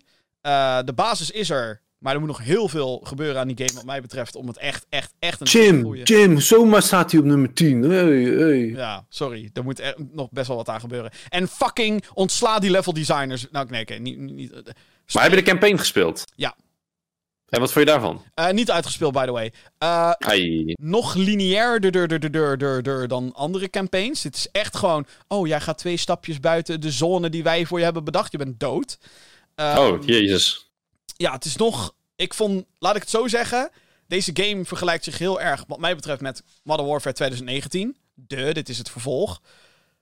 Die was wel echt gewoon veel beter. Ook de campaign. Dat ik echt denk, dit was zo... Gewoon zoveel vetter. Zoveel meer toffe set pieces. Tot dusver. Ik ben nog, nog niet helemaal doorheen. Maar als ik de eerste helft moet vergelijken van 2019, de campaign. En de eerste helft van dit. Dan denk ik wel, ja. Modern Warfare 2 heeft Amsterdam. Heel mooi. Maar daar houdt het ook echt wel een beetje bij op, al. En eh, er wordt... eh, Dit haat ik, by the way. Als vervolgen van games er maar gewoon van uitgaan dat je weet wie iedereen is. En deze game doet dat ook. Het is drie jaar geleden sinds Modern Warfare 2019. Ja, ik heb die fucking campaign nooit meer gespeeld. Maar de game gaat er gewoon vanuit. Jij weet wie Ghost is. Jij weet wie fucking Captain Price is. Jij weet wie de McTavish is. Of wie de fuck er nog meer bij hem is. Ik, ik weet het die, dat niet. zijn wel de drie die je sowieso kent. die jij ook wel nog kent. Maar er zijn ook andere characters die je hebt van... Wie was dat ook Ja, weer? wie, wie de fuck ben jij ook alweer? Ja, volgens mij speel jij in een of andere Marvel film. Maar dat... dat pff, geen idee. Een kort, eh, kort... ah, nou, whatever. Ik ga nu weer in de klaagmoot. Eh, maar hij staat op nummer 10. Dus als, als, alsnog een compliment. 10, 9, 9, 9. Evil West. Dit is een, eh, een game door Focus Entertainment. Ehm, speelt heel erg en klinkt heel erg en ziet er ook uit als. Wel mooier dan dat natuurlijk. Maar het doet me heel erg denken aan die Xbox 360 actiegames. Third person. En het heeft alles wat die games tof maakte. Ook een beetje wat die games frustrerend maakte. Ehm, maar als je zeg maar met die mindset erin gaat, is dit wel echt heel leuk. Ongegeneerde actie. Ik heb hem even op de beurs gespeeld. En dat was echt eh, wel een leuke game, ja. Nou ja, op, eh, wat was het nou? Zo. Het First Look? Force. Was het First Look? Nee, Was Game, Game Force. Game Force. first, first Loop bestaan. Althans, Uh, nee, First Look, uh, jongen, tuurlijk. Gameforce. En met Gameforce was het. Nummer 8, Dying Light 2, open world zombie game. Um, ook ik vond hem teleurstellend, omdat ik meer had verwacht van het vervolg van Dying Light. Maakt het niet per se een slechte game. Um, het is wat ongeïnspireerder dan het origineel, wat mij betreft. Maar whatever. Nummer 7, Ghostwire Tokyo. Dit is een game die door heel veel mensen is vergeten al. Uh, maar ik vond de stijl van deze game zo ontzettend vet. Dus uh, uh, niet per se de beste open world ervaring. niet per se de beste schietactie ooit. Maar dat stijltje is oh, zo goed. nummer 6, High on Life. Heb ik het over gehad. Nummer 5, Overwatch 2. Heb het ook over gehad. Nummer 4, Pokémon Legends Arceus. Ik vond dit... Ehm, dit kwam echt in het begin van dit jaar uit. En dit heb ik echt al be best wel veel gespeeld. En Scarlet Violet nog helemaal niet. Um, Vandaar dat deze erin staat. Um, dit is voor mij. Ja, ga alsjeblieft door met wat deze game deed. Maar maak dat Nou, dan kan ik je alvast vertellen dat bij de, de laatste game ze dat niet gedaan hebben. Godverdomme, kutzooi. Nee, ik vond die, dat open world... Ik, ik voelde echt weer, dat is zo raar. De game ziet eruit als een PlayStation 2 titel. De game draait als een fucking PlayStation 2 titel, maar dan in widescreen. De game vertelt zijn verhaal als een PlayStation 2 titel, dus met poppetjes die zeg maar echt zo oh, ik draai nu om. En dan een gekke praatanimatie doen terwijl ze helemaal niks zeggen en dan krijg je een spraakbalkje. Dat is Pokémon Legends Arceus. Het is ouderwets als vak. Maar als je eenmaal die wereld in gaat, je gaat die velden op en oh shit, ik zie daar een shiny Rhyhorn. Oh fuck, ik moet besluipen en ik moet fucking beetnaam gooien. En dan, wauw, ik gooi die bal en dan, kut. Dat ving hem niet. En nu gaat hij op mij af. En dan stuur je jouw Pokémon. Dit is de fucking Pokémon Fantasy, is deze game, oké? Eindelijk. Fucking maak dit, alsjeblieft. Maak dit gewoon. Maar dan, maar dan beter. Fijner, ja. uh, uh, moderner qua, qua hoe het speelt en zo. Maar ik vond dit geweldig. Dus ondanks dat het er niet uitzag en voor geen meter draaide, dacht ik toch: dit is wel gewoon. Dit, dit is wat ik wilde van Pokémon. Al jaren, by the way. Ah, Oké, sorry. ja, ik denk dat in de nieuwe versie ze er wel wat van mee hebben genomen. Maar ik heb toen de beelden gezien hoe het eruit ziet. En dacht ik, ja, dit kan niet meer hoor. Want dan zeggen mensen, ja, maar dat is door de Switch. En dan kijk ik naar Breath of the Wild. Die zag er veel, veel beter uit. En dit draaide echt als stront door een zeevier. Dan denk ik, ja, hoe, hoe durf je dit uit te brengen? How dare you? How dare you? Maar, maar dan hoor ik dus hè, van, van Bobby, die, die speelt het. Die zegt, ja, maar de gameplay is wel echt heel leuk. En, en, en het verhaal is ook echt heel leuk. En ik vond dat is echt jammer dat ze dan niet meer hun best doen dan dat. Ja. En als ik dan hoor hoe leuk het pakket is van deze game, dan denk ik van, hoe houden ze dat dan niet een beetje aan en upgraden ze dat? Ja. Of ze elke keer het wiel opnieuw willen uitvinden of zo. Dat is heel raar. Nou ja, ik vind dit, wat ik juist verfrissend vind aan Arceus, of Arceus, whatever, um, is um, dat dit eindelijk de refresh is die Pokémon wat mij betreft nodig heeft als, als franchise. En uh, wat mij betreft gaan ze in die stijl verder met al hun games. Uh, dus let's fucking go. Catch them all. Ja. Ik ging op een gegeven moment fucking Pokédex grinden. Dat is iets wat ik nog nooit heb gedaan in een Pokémon game. Echt nooit. Oh, Jim. How, oh nee. How dare you. Nummer 3, Cultic. Dit is een first-person shooter. Gemaakt door één guy, genaamd Jason Smith. Het is een throwback naar de 90s. Dus dan heb je mij eigenlijk al op vele fronten. Maar deze game uh, doet dat dusdanig goed. En heeft zulke lekkere, bloederige, chunky actie. Heerlijk. Uh, ik heb er, er een uh, recensie over gemaakt. youtube.com slash gaminggeeksnl. Ga dat checken on. Nummer 2. Horizon Forbidden West. PlayStation exclusive. Open world. Robot dino's schieten. Ik, ik, ik heb de originele ook nog niet gespeeld. God damn it. God fucking damn it. Um, in vele... ja, op een of andere manier ja, maak ik mijn keuze en dat is Heroes of the Storm. Ja, ja sorry. Ja. ja, dat kan. Ja. Uh, even kijken, in vele opzichten is de tweede lijkt wel heel erg op het origineel. Maar goed, we, we wilden meer, dus dan krijg je meer. Uh, het verhaal is een soort middenstuk. Dus je merkt, oh ja, dit is part 2 van wat waarschijnlijk een trilogy wordt. En dat het daarbij, wat betreft Aloy, blijft. Althans, dat hoop ik dan. Dat ze dat op een gegeven moment soort van los durven te laten. En doorgaan met iets anders. Al is het in hetzelfde universum. Um, maar nog steeds een zeer indrukwekkende game. En uh, de titel waarvan ik dacht oh, dit komt ook op PS4, maar ziet er fucking goed uit op PS5 en draait ook nog eens op 60 fps. Nice! Wauw, Guerrilla. Uh, maar ben je zo iemand die dan denkt dat als ze het alleen hadden gefocust op PlayStation 5, dat het misschien al beter was geweest? Tuurlijk. Tuurlijk. Tuurlijk. Goed zo, goed zo, Jim. Ik ben trots op. Ja. Waarom gaan ze nou weer terug naar die PlayStation 4? Ja, omdat dit waarschijnlijk al in ontwikkeling was. En toen kwam COVID. Toen, ja, nu is er een PlayStation 5. Ja, nou, dat doen we ook op PS5. Ja, precies.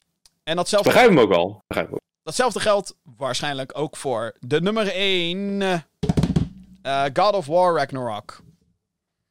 Ik heb de game nog niet eens uitgespeeld en hij staat op nummer 1. Maar ehm, in, een Vette jaar, game. ja, in een jaar waarin ik heel eerlijk gezegd niet. Kijk, Cultic had bij mij die. Oh shit, ja. En po- met Pokémon Legends Arceus. Maar ja, dan.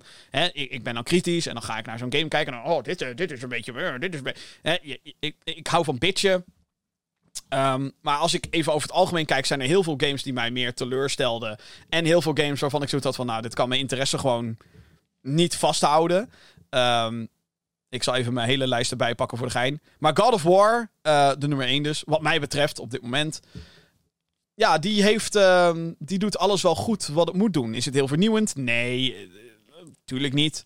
Maar ja, het, het, het raakt wel alle punten die het tot dusver behoort te raken. Ik heb nog niet uitgespeeld dus, oei. Groot risico dus. eh, ik ook nog niet. Ik ook nog niet. en ik weet dat ik deze lijst introduceerde met... Oh, ik heb alle games waarvan ik dacht... Oh, ik ben er wel klaar mee. eh, die zet ik op deze lijst. Maar ehm, ik had zoiets van... Als ik God of War hier niet op zou zetten... Dan zou dat een beetje gek zijn. En ik vind de game oprecht tot dusver... Als ik zeg maar alleen wat ik nu gespeeld heb zou moeten ranken... Staat hij ook op nummer 1. Dus Er is altijd maar één ding wat ik heel erg bijzonder vind aan dit soort vervolggames. ja. Is dat je in deel 1 wat power-ups hebt gedaan. En lekker sterk bent Oh. geworden. En in deel 2 Ja. mag je diezelfde weer gaan unlocken. Nou, hier valt dat wel enigszins... Ja, er zijn een aantal die je nog behouden hebt. Maar er in- zijn ook een aantal Ja. met je weapons, laat maar zeggen. Bepaalde movesets. Dat je Ja. weer opnieuw moet gaan maar unlocken. ik, dan ik vind ik, wel dat er Maar die, die, die kende die toch al? Heeft die nou ook dementia? Die God of War eh, Kratos? Is die nou zo oud dat hij niet meer kan onthouden wat hij kan? Uh, maar eh, wat ik wilde zeggen is dat eh, er heel veel games waren waarvan ik dacht: oh ja, die is ook uitgekomen. Zoals Tiny Tina's Wonderlands. En- die heb je al één keer zien spelen en dat was het ook klaar. Ja, ik bedoel, leuke game, maar niet. Dat was nou echt zo'n spel, spel dat ik dacht: dit had ook gewoon DLC kunnen zijn voor Borderlands 3. En eh, daar had je het ook gewoon lekker bij kunnen laten. Ehm, Nintendo Switch Sports, dacht ik ja. Nintendo, eh, hoe kan je nou deze game uitbrengen zonder golf? Ja, maar het zit er nu in en het is een gratis update. Had het gewoon bij fucking launch erin gedaan, jongens. Waar de fuck hebben we het over? Eh, de Saints Row reboot was verschrikkelijk. Ehm, Rainbow Six Extraction, kan iemand zich dat nog herinneren? Nee? Je had ook een pandemic versie of zo, toch? Ja, dat, dat, dat is die game. Dat is Extraction. Oh, nou hier, daar gaan we al. Ehm, mijn grootste teleurstelling van het jaar is Mario Strikers Battle League Football.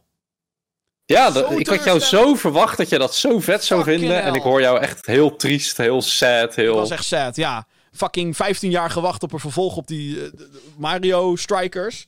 En wat krijg je? Ja, hier heb je acht characters. Ehm, we hebben al verschillende levels, maar ze doen niks. Dus hier heb je gras en hier heb je steen en hier heb je vuur. Verandert het de gameplay? Nee. Nee, nee, nee. Nee. Gebeurt er dan gekke chaos op de veld? Nee. Maar dat was in de vorige twee games. Maakt niet uit! Fuck you! Als ze, als ze de Wii-game hadden geremasterd, was dat een betere game geweest. En dat is sad. Vind ik zo fucking sad. En ik weet het, nu zijn er allemaal DLC-characters bijgekomen. Blablabla. Waarom allemaal achteraf? Launch daarmee! Launch met een volledig product, Nintendo. Als iemand dat zou moeten weten, zijn jullie het. Jullie hebben twee keer laten vallen dit jaar. Twee keer. Met Nintendo Switch Sports en met Mario League Battle gezeik. God, sorry. Ik heb gewoon, ik, ik hou van Mario Strikers. En om dan eindelijk een vervolg te krijgen die gewoon niks doet. Fuck man. So disappointing. Disappointed! Goed. Poor, poor, poor Jim. De game waar die zo op hoopte. Niet dat het een super slechte game is overigens, maar het is gewoon, het is, dat, dit is de Mario Strikers Battle League Football is nou zo'n game, dat speel je en na een half uur denk je, oké, ik heb alles gezien wat, eh, wat deze game te bieden heeft. Geen It's an empty shell of his former self, Maar Jim. echt man, fuck man. Fucking Fuck! De Koopa shells die Mario rondtrapt zijn nog meer gevuld dan dit, man. Dat bedoel ik als de Koopa's er al uitgetrapt zijn. Dat bedoel ik dan. Goed. Sorry, sorry dat ik dit met een negatieve noot moest eindigen. God of War Ragnarok. Het is niet Ga- anders. gaat het spelen. God of War Ragnarok, jongens. Mijn eh, persoonlijke game of the year. Tot dusver. Ik moet hem dus nog uitspelen. Dus ik ben helemaal benieuwd wat de rest van de game nog gaat bieden. Ik vind het nu al fantastisch. En tot zover deze 203e aflevering van de Gamer Geeks podcast. Eh, bedankt voor het luisteren dit jaar ook naar deze show. Ik weet dat er niet heel veel afleveringen zijn geweest. Ehm, daar hoop ik aankomend jaar verandering in te brengen. Dat is een goed voornemen. Maar daar moet ik heel erg voorzichtig mee zijn. Want ik heb al vaker dit jaar gehad ook dat ik dingen zei in deze podcast. Dit ga ik zeker weten doen. En dan komt het er niet van. Dus als je luistert, thanks dat je daarmee dat je, dat je nog steeds erbij blijft. Terwijl ik dat best wel vaak, te vaak doe. Ook een goed voornemen. Stop daarmee. Stop met beloftes maken. Maar dat is wel een, uh, een, een, streven van mij om in ieder geval net wat vaker achter deze microfoon te kruipen om het over games te hebben. Um, met jou. Jeroen, bedankt dat je erbij was. Geen enkel probleem, Wij moeten nog uh, vooruit gaan blikken naar 2023. Dat, wordt, dat gaan wij zeker doen. Dat wordt nog een hele leuke. Um, abonneer op deze show. Dat kan natuurlijk als je die aflevering niet wil missen. Uh, via je favoriete podcastdienst. Apple Podcast, Google Podcast. Waar je ook maar naar podcast luistert. Daar is de Gamer Geeks podcast ook op te vinden. een videoversie, die kan je ook checken via youtube.com slash GamerGeeksNL. Of ook op Spotify. Daar is de video gewoon te, te zien. Hoe vet is dat? Um, en verder, uh, als je vragen hebt voor de show, podcast.gamergeeks.nl. Heb jij een vraag voor de show? Ja, dat zei ik. Mail naar podcast.gamergeeks.nl. Oh. Weet je dat ook weer? Podcast.gamergeeks.nl. Uh, dit was de 203e aflevering van de Gamer Geeks podcast. Dankjewel voor het luisteren en heel graag tot een volgende keer. Later.